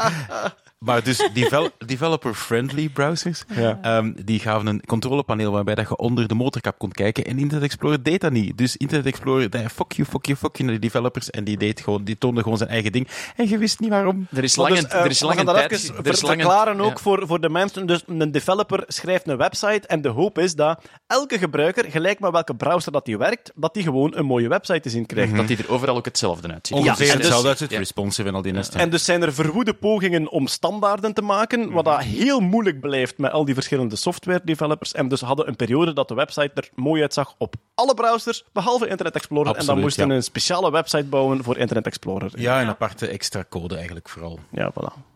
Verleden tijd, want eh, Internet Explorer support Uit genoeg is, nog niet. eh, maar ja, afgeknipt. Er is dit jaar ook een AI Song Contest. Yay. Artificial Intelligence eh, Song Contest, ja, voilà. Gebaseerd op het Eurovisie Songfestival. De eerste was in Nederland. Was, ik denk, twee jaar geleden. eh, de eerste AI Song Die Contest. heb jij zelfs gepresenteerd. Ik heb met, hem eh, gepresenteerd. met Emma Wortelboer. En Ja. ja. dat was in volle covid-periode. Want ik weet Ja. dat jij toen door zo'n soort van gordijn moest lopen met zo allemaal kraaltjes. Ja. En dat wij hier allemaal zaten van, oh, lieve niet inademen, dat gordijn. Iedereen loopt daar tegen. Dat was inderdaad nog in, in COVID, maar het was net tussen twee golven, dus we Ja. mochten wel in één studio zijn. Eh, toen gewonnen door eh, de Australiërs met het Ja. nummer, was het Welcome the World of zoiets? Ja, het was- het was geweldig iets, catchy, geweldig catchy nummer. Er zijn nu eh 15 nieuwe finalisten geselecteerd. Die staan allemaal te beluisteren online. Als Ik je heb er vandaag eh, van naar is het geluisterd. echt, ja? En? Ja. ja, het zijn wel rare dingen tussen. Het varieert immens. Want, ja, het zijn ja. ene kant ballades waar dat ze duidelijk heel hard zelf aan hebben getuned. En Ja. dan heb je ook zo van die Koreaanse dingen waar dat allemaal muziek door elkaar en ja. De speciaal. Zweedse, de Zweedse inzending hebben ook een tekst gemaakt. En ik weet niet of dat hij door een AI-systeem gemaakt is. Maar het liedje begint met: eh, What is this song about? En de rest van het nummer ja, is: ja. It's, It's about me, me, me, me, me, me, me, me, me, me, me. It's not about you, you, you, you. Er zijn wel veel toffe tekstjes. Die. Google-ingenieur weer van, dit is een zevenjarig kind en we moeten het beschermen. Ik vond de, de naam ook heel leuk van sommige eh, nummers. Onder andere, eh, of één nummer van, heette Ode to Coffee. En de bandnaam was Rage Against the Espresso Machine. Er is is ook. Net zoals bij de vorige Eurovisie, AI Eurovisie Songfestivals is er een beetje een discussie over in hoeverre mag je menselijk ingrijpen. Want er zijn mensen Ja. die het echt heel puur interpreteren als alles moet AI gegenereerd zijn. En er zijn mensen die zeggen van stukken, maar we gaan wel menselijke muzikanten die laten onderverdelen in strofes en chorus. Ja. D- dat is wel een gradatie. En, En dan ze moet blijven er- daar vaag over, ik snap dat. Nee, Ja. dat staat, nee, nee, dat staat er bij elke is nu- song bij. Ah, ja, nee, de, Ja, re- ja. de regels zijn De vaag, regels zijn maar je vaag, kan ja. per song eigenlijk gaan opzoeken hoe hebben zij het gedaan. Ja. En dan zeggen ze van, oh, bij ons zijn de teksten zo gemaakt. Sommigen hebben zelfs drie verschillende AI-systemen. Eén voor de songtekst, één voor de melodie en dan één die dat dan gecombineerd met vocals eigenlijk. Ah, het is wel tof gedaan. Ah, wel, maar dat is inderdaad een heel belangrijk punt. Die nummers zijn niet zomaar uit de computer gerold. Ja. Het is niet dat je, gelijk bij Dali, zegt: schrijf mij een triestig nummer over ehm maneschijn in de winter. En dat dat eruit komt. Daar wordt echt aan geknutseld. De mensen zijn, heel, de mensen zijn echt de producers van dat Ja. nummer. En die gebruiken AI-elementen. De tekst, zeker met die huidige tekstgeneratoren, gelijk GPT-3 wordt bijna altijd door de AI gemaakt. Waarom zou je ook niet? Het is een van de gemakkelijkste dingen om te doen. En dan werken ze allemaal anders. Eh sommigen vragen een akkoordenschema. En natuurlijk, ik weet niet of dat iemand van jullie ooit met Banner gewerkt heeft in de, in de DOS-tijd. Banner was zo'n computerprogramma. Met MIDI-files? Was dat dat? Ba- Nee, Banner dat kon kon op zo, zo'n heel lange vouwpapier zo'n van alle kettingpapier, teksten. ja. Ah, ja, ja, ja, ja. kon zo logo's maken. Ja. ja. En daar zat een hele catalogus in van verschillende lettertypes, verschillende manieren dat er zo straaltjes naar de letters liepen, eh vlagjes waarop dat, dat kon. En je kon aan Banner vragen, combineer een beetje random. En dat ding begon gewoon te lopen. En wat jij dan deed, was selecteren. En eigenlijk na een keer of vijf kwamen daar wel toffe dingen uit, die je kon zeggen, ik kies dat. En dat doen zij ook vaak. Dus zij laten een AI-systeem verschillende dingen maken. En na een tijdje zeggen ze, oh, dat is wel cool. En dan pakken we dat. En dan vragen we een ander AI-systeem om de melodielijn op dat akkoorden te zetten. Ik denk dat dat ook gewoon de toekomst is van de manier waarop dat we met AI gaan samenwerken. Dat is toch ook wat we- Collaborative. wat we bij ja. die in Delhi ook zagen dat juist. Je kreeg altijd zes oplossingen Ja. van, Ja. uw, van uw tekeningen. Ja, ja, ja. ja, inderdaad. Voilà, AI Song Contest. Ik denk zelfs dat de winnaar eh, overmorgen voor ons, het is nu 4 juli voor ons, ik denk dat de winnaar overmorgen aangekondigd wordt. Dus als je dit hoort, kan je sowieso al die 15 finalisten gaan behoren en misschien ook wel de winnaar, maar dat kondigen we dan sowieso aan in de podcast van eh, volgende maand. Waarom wachten tot volgende maand? De winnaar is bekend. Het is Yaboy Hanoi, winnaar van het AI Songfestival 2022. Het is een muzikant, een beetje algemeen kunstenaar-designer uit Thailand. En hij combineert heel graag traditionele Zuid-Aziatische cultuur en muziek met moderne invloeden eh, en elektronica en technologie. En voor dit nummer heeft hij een AI-systeem getraind op de specifieke harmonieën van Thaise muziek. Eh, blijkbaar worden ook sommige instrumenten anders gestemd. En hij heeft zich vooral gebaseerd op de Pinai-fluit. Hij heeft eh, de specifieke frequenties en stemming en tonaliteit van de Pinai-fluit gebruikt om hier bepaalde klanken uit te krijgen en die te mixen tot, goh, bij mij doet het een beetje eh, fusion, Thais cultureel en drum en bass-achtig aan. Hier is een stukje van het winnende nummer.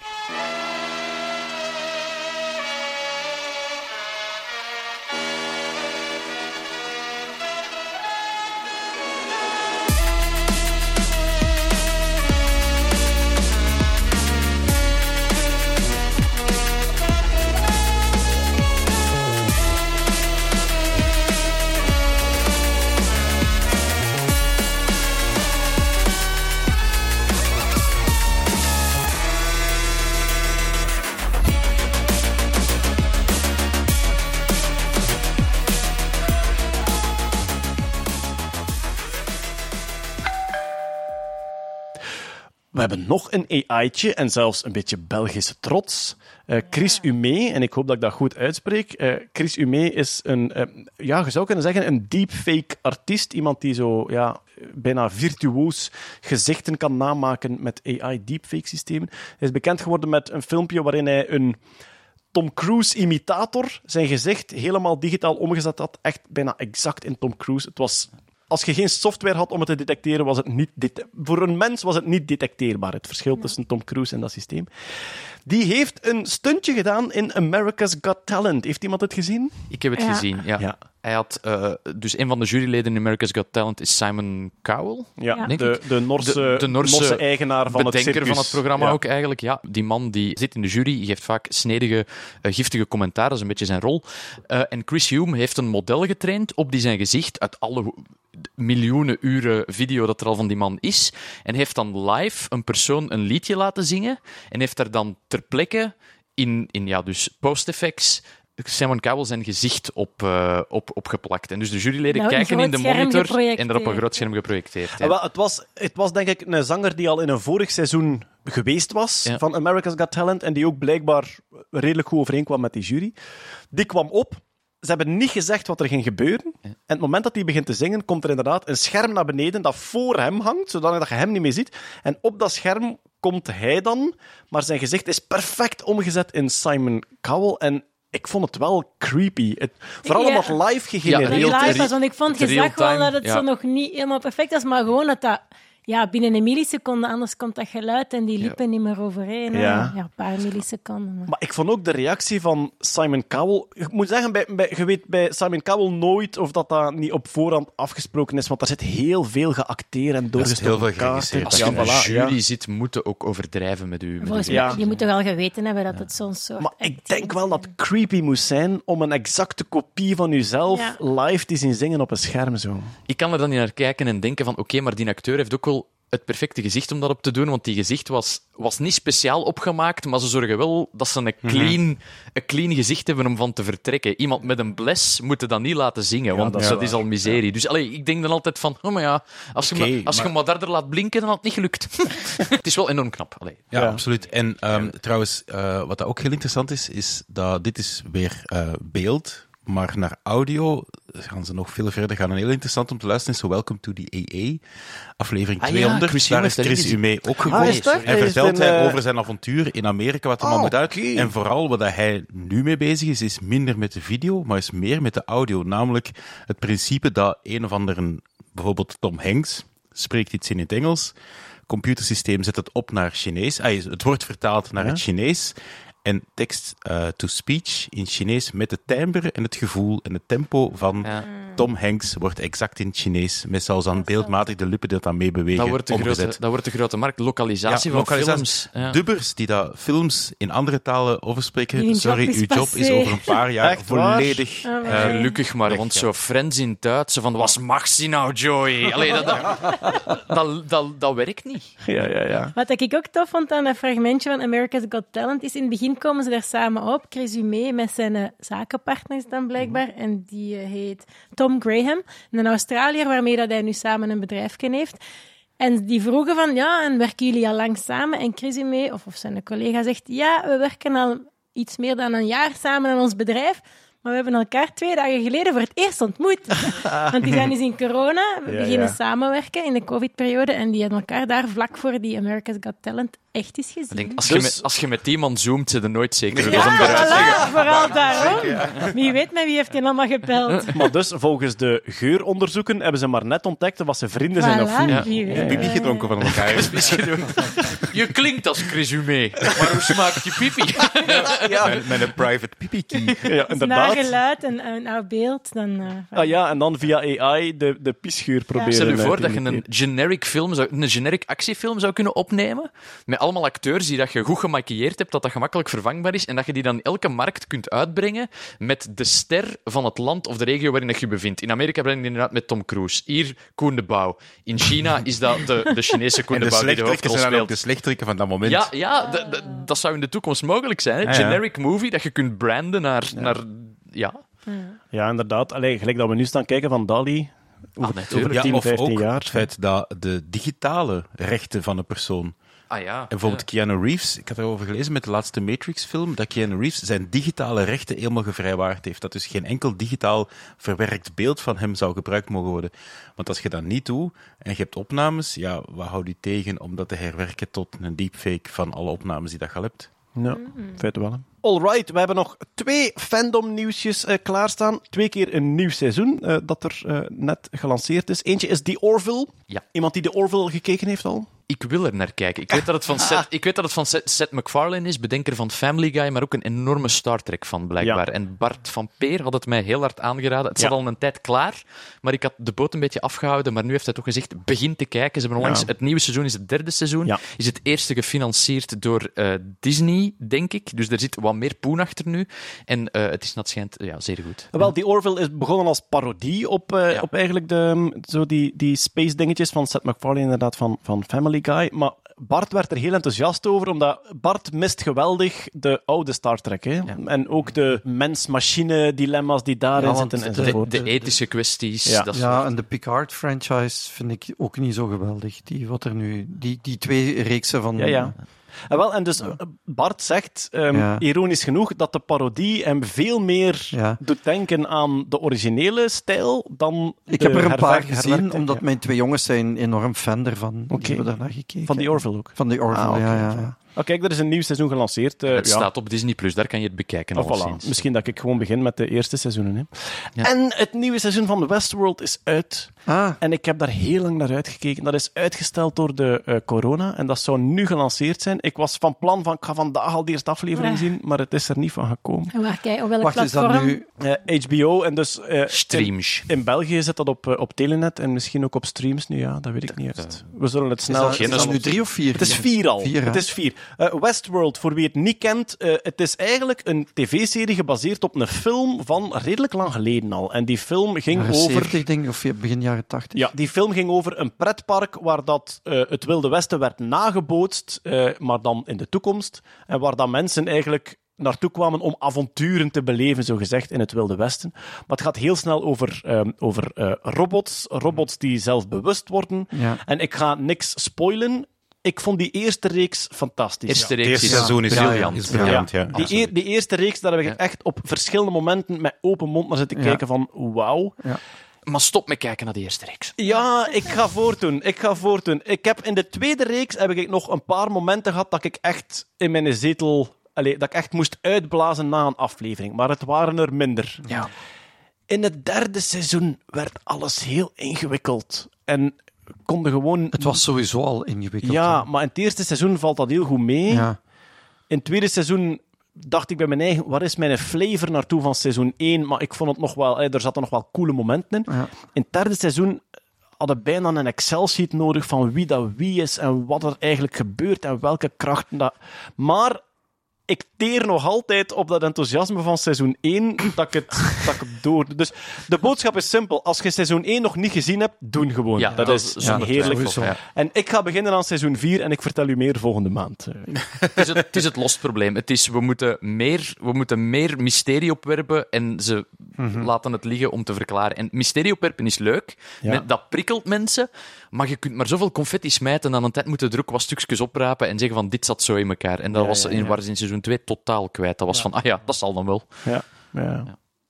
Goed, er zitten, er zitten nog een paar. maar- En ik mag niks Visueel, spoilen. het heeft geld Maar gekost. Er zitten ook nog een wel. paar, ook qua, ook qua personages zitten er een paar, vind ik, hele grote en heel cool gevonden verrassingen in seizoen 2. Maar goed, we zijn Ja. nu heel, heel mysterieus aan het doen, Ja. omdat we niks willen Het spoilen. eerste, het eerste seizoen heeft een, magistrale Anthony Hopkins. Daarvoor, al, daarvoor alleen al Ah, maar die- moeten kijken. Ja. Ik hield er al van, maar eh, allee, door, door die rol daar ben ik er helemaal aan, eh, aan verknocht geraakt. Ja, sowieso.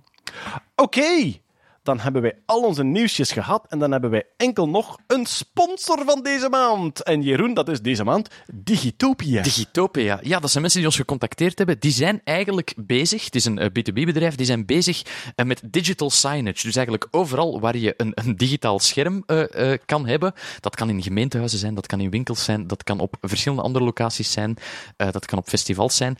En wat dat zij eigenlijk maken is een totaaloplossing, hardware en software, om ergens iets aan te geven met een scherm. Scherm. Dat klinkt enorm vaag, maar zij, zij staan er wel op dat dat een totaaloplossing is die ook, in het, het introgespreksje dat mij gehad heb, hebben ze gezegd van ja, wij knutselen soms dingen in elkaar, we zijn nog nooit moeten teruggaan naar een winkel om bij te stellen. Dus dat, Oh. dat, dat vind ik al een zeer goed, eh, een zeer goed teken. Het is, het, oké, het is dan op zich eigenlijk een makerclub. Ik, ik, ja, ik, Ja, dat- het is een business Het is, natuurlijk. het is, een, het is een, een middelgroot bedrijf. Ah, ja, natuurlijk. Het is, het is een business, maar ik bedoel van, van, van mentaliteit. Er komt wel een vraag binnen.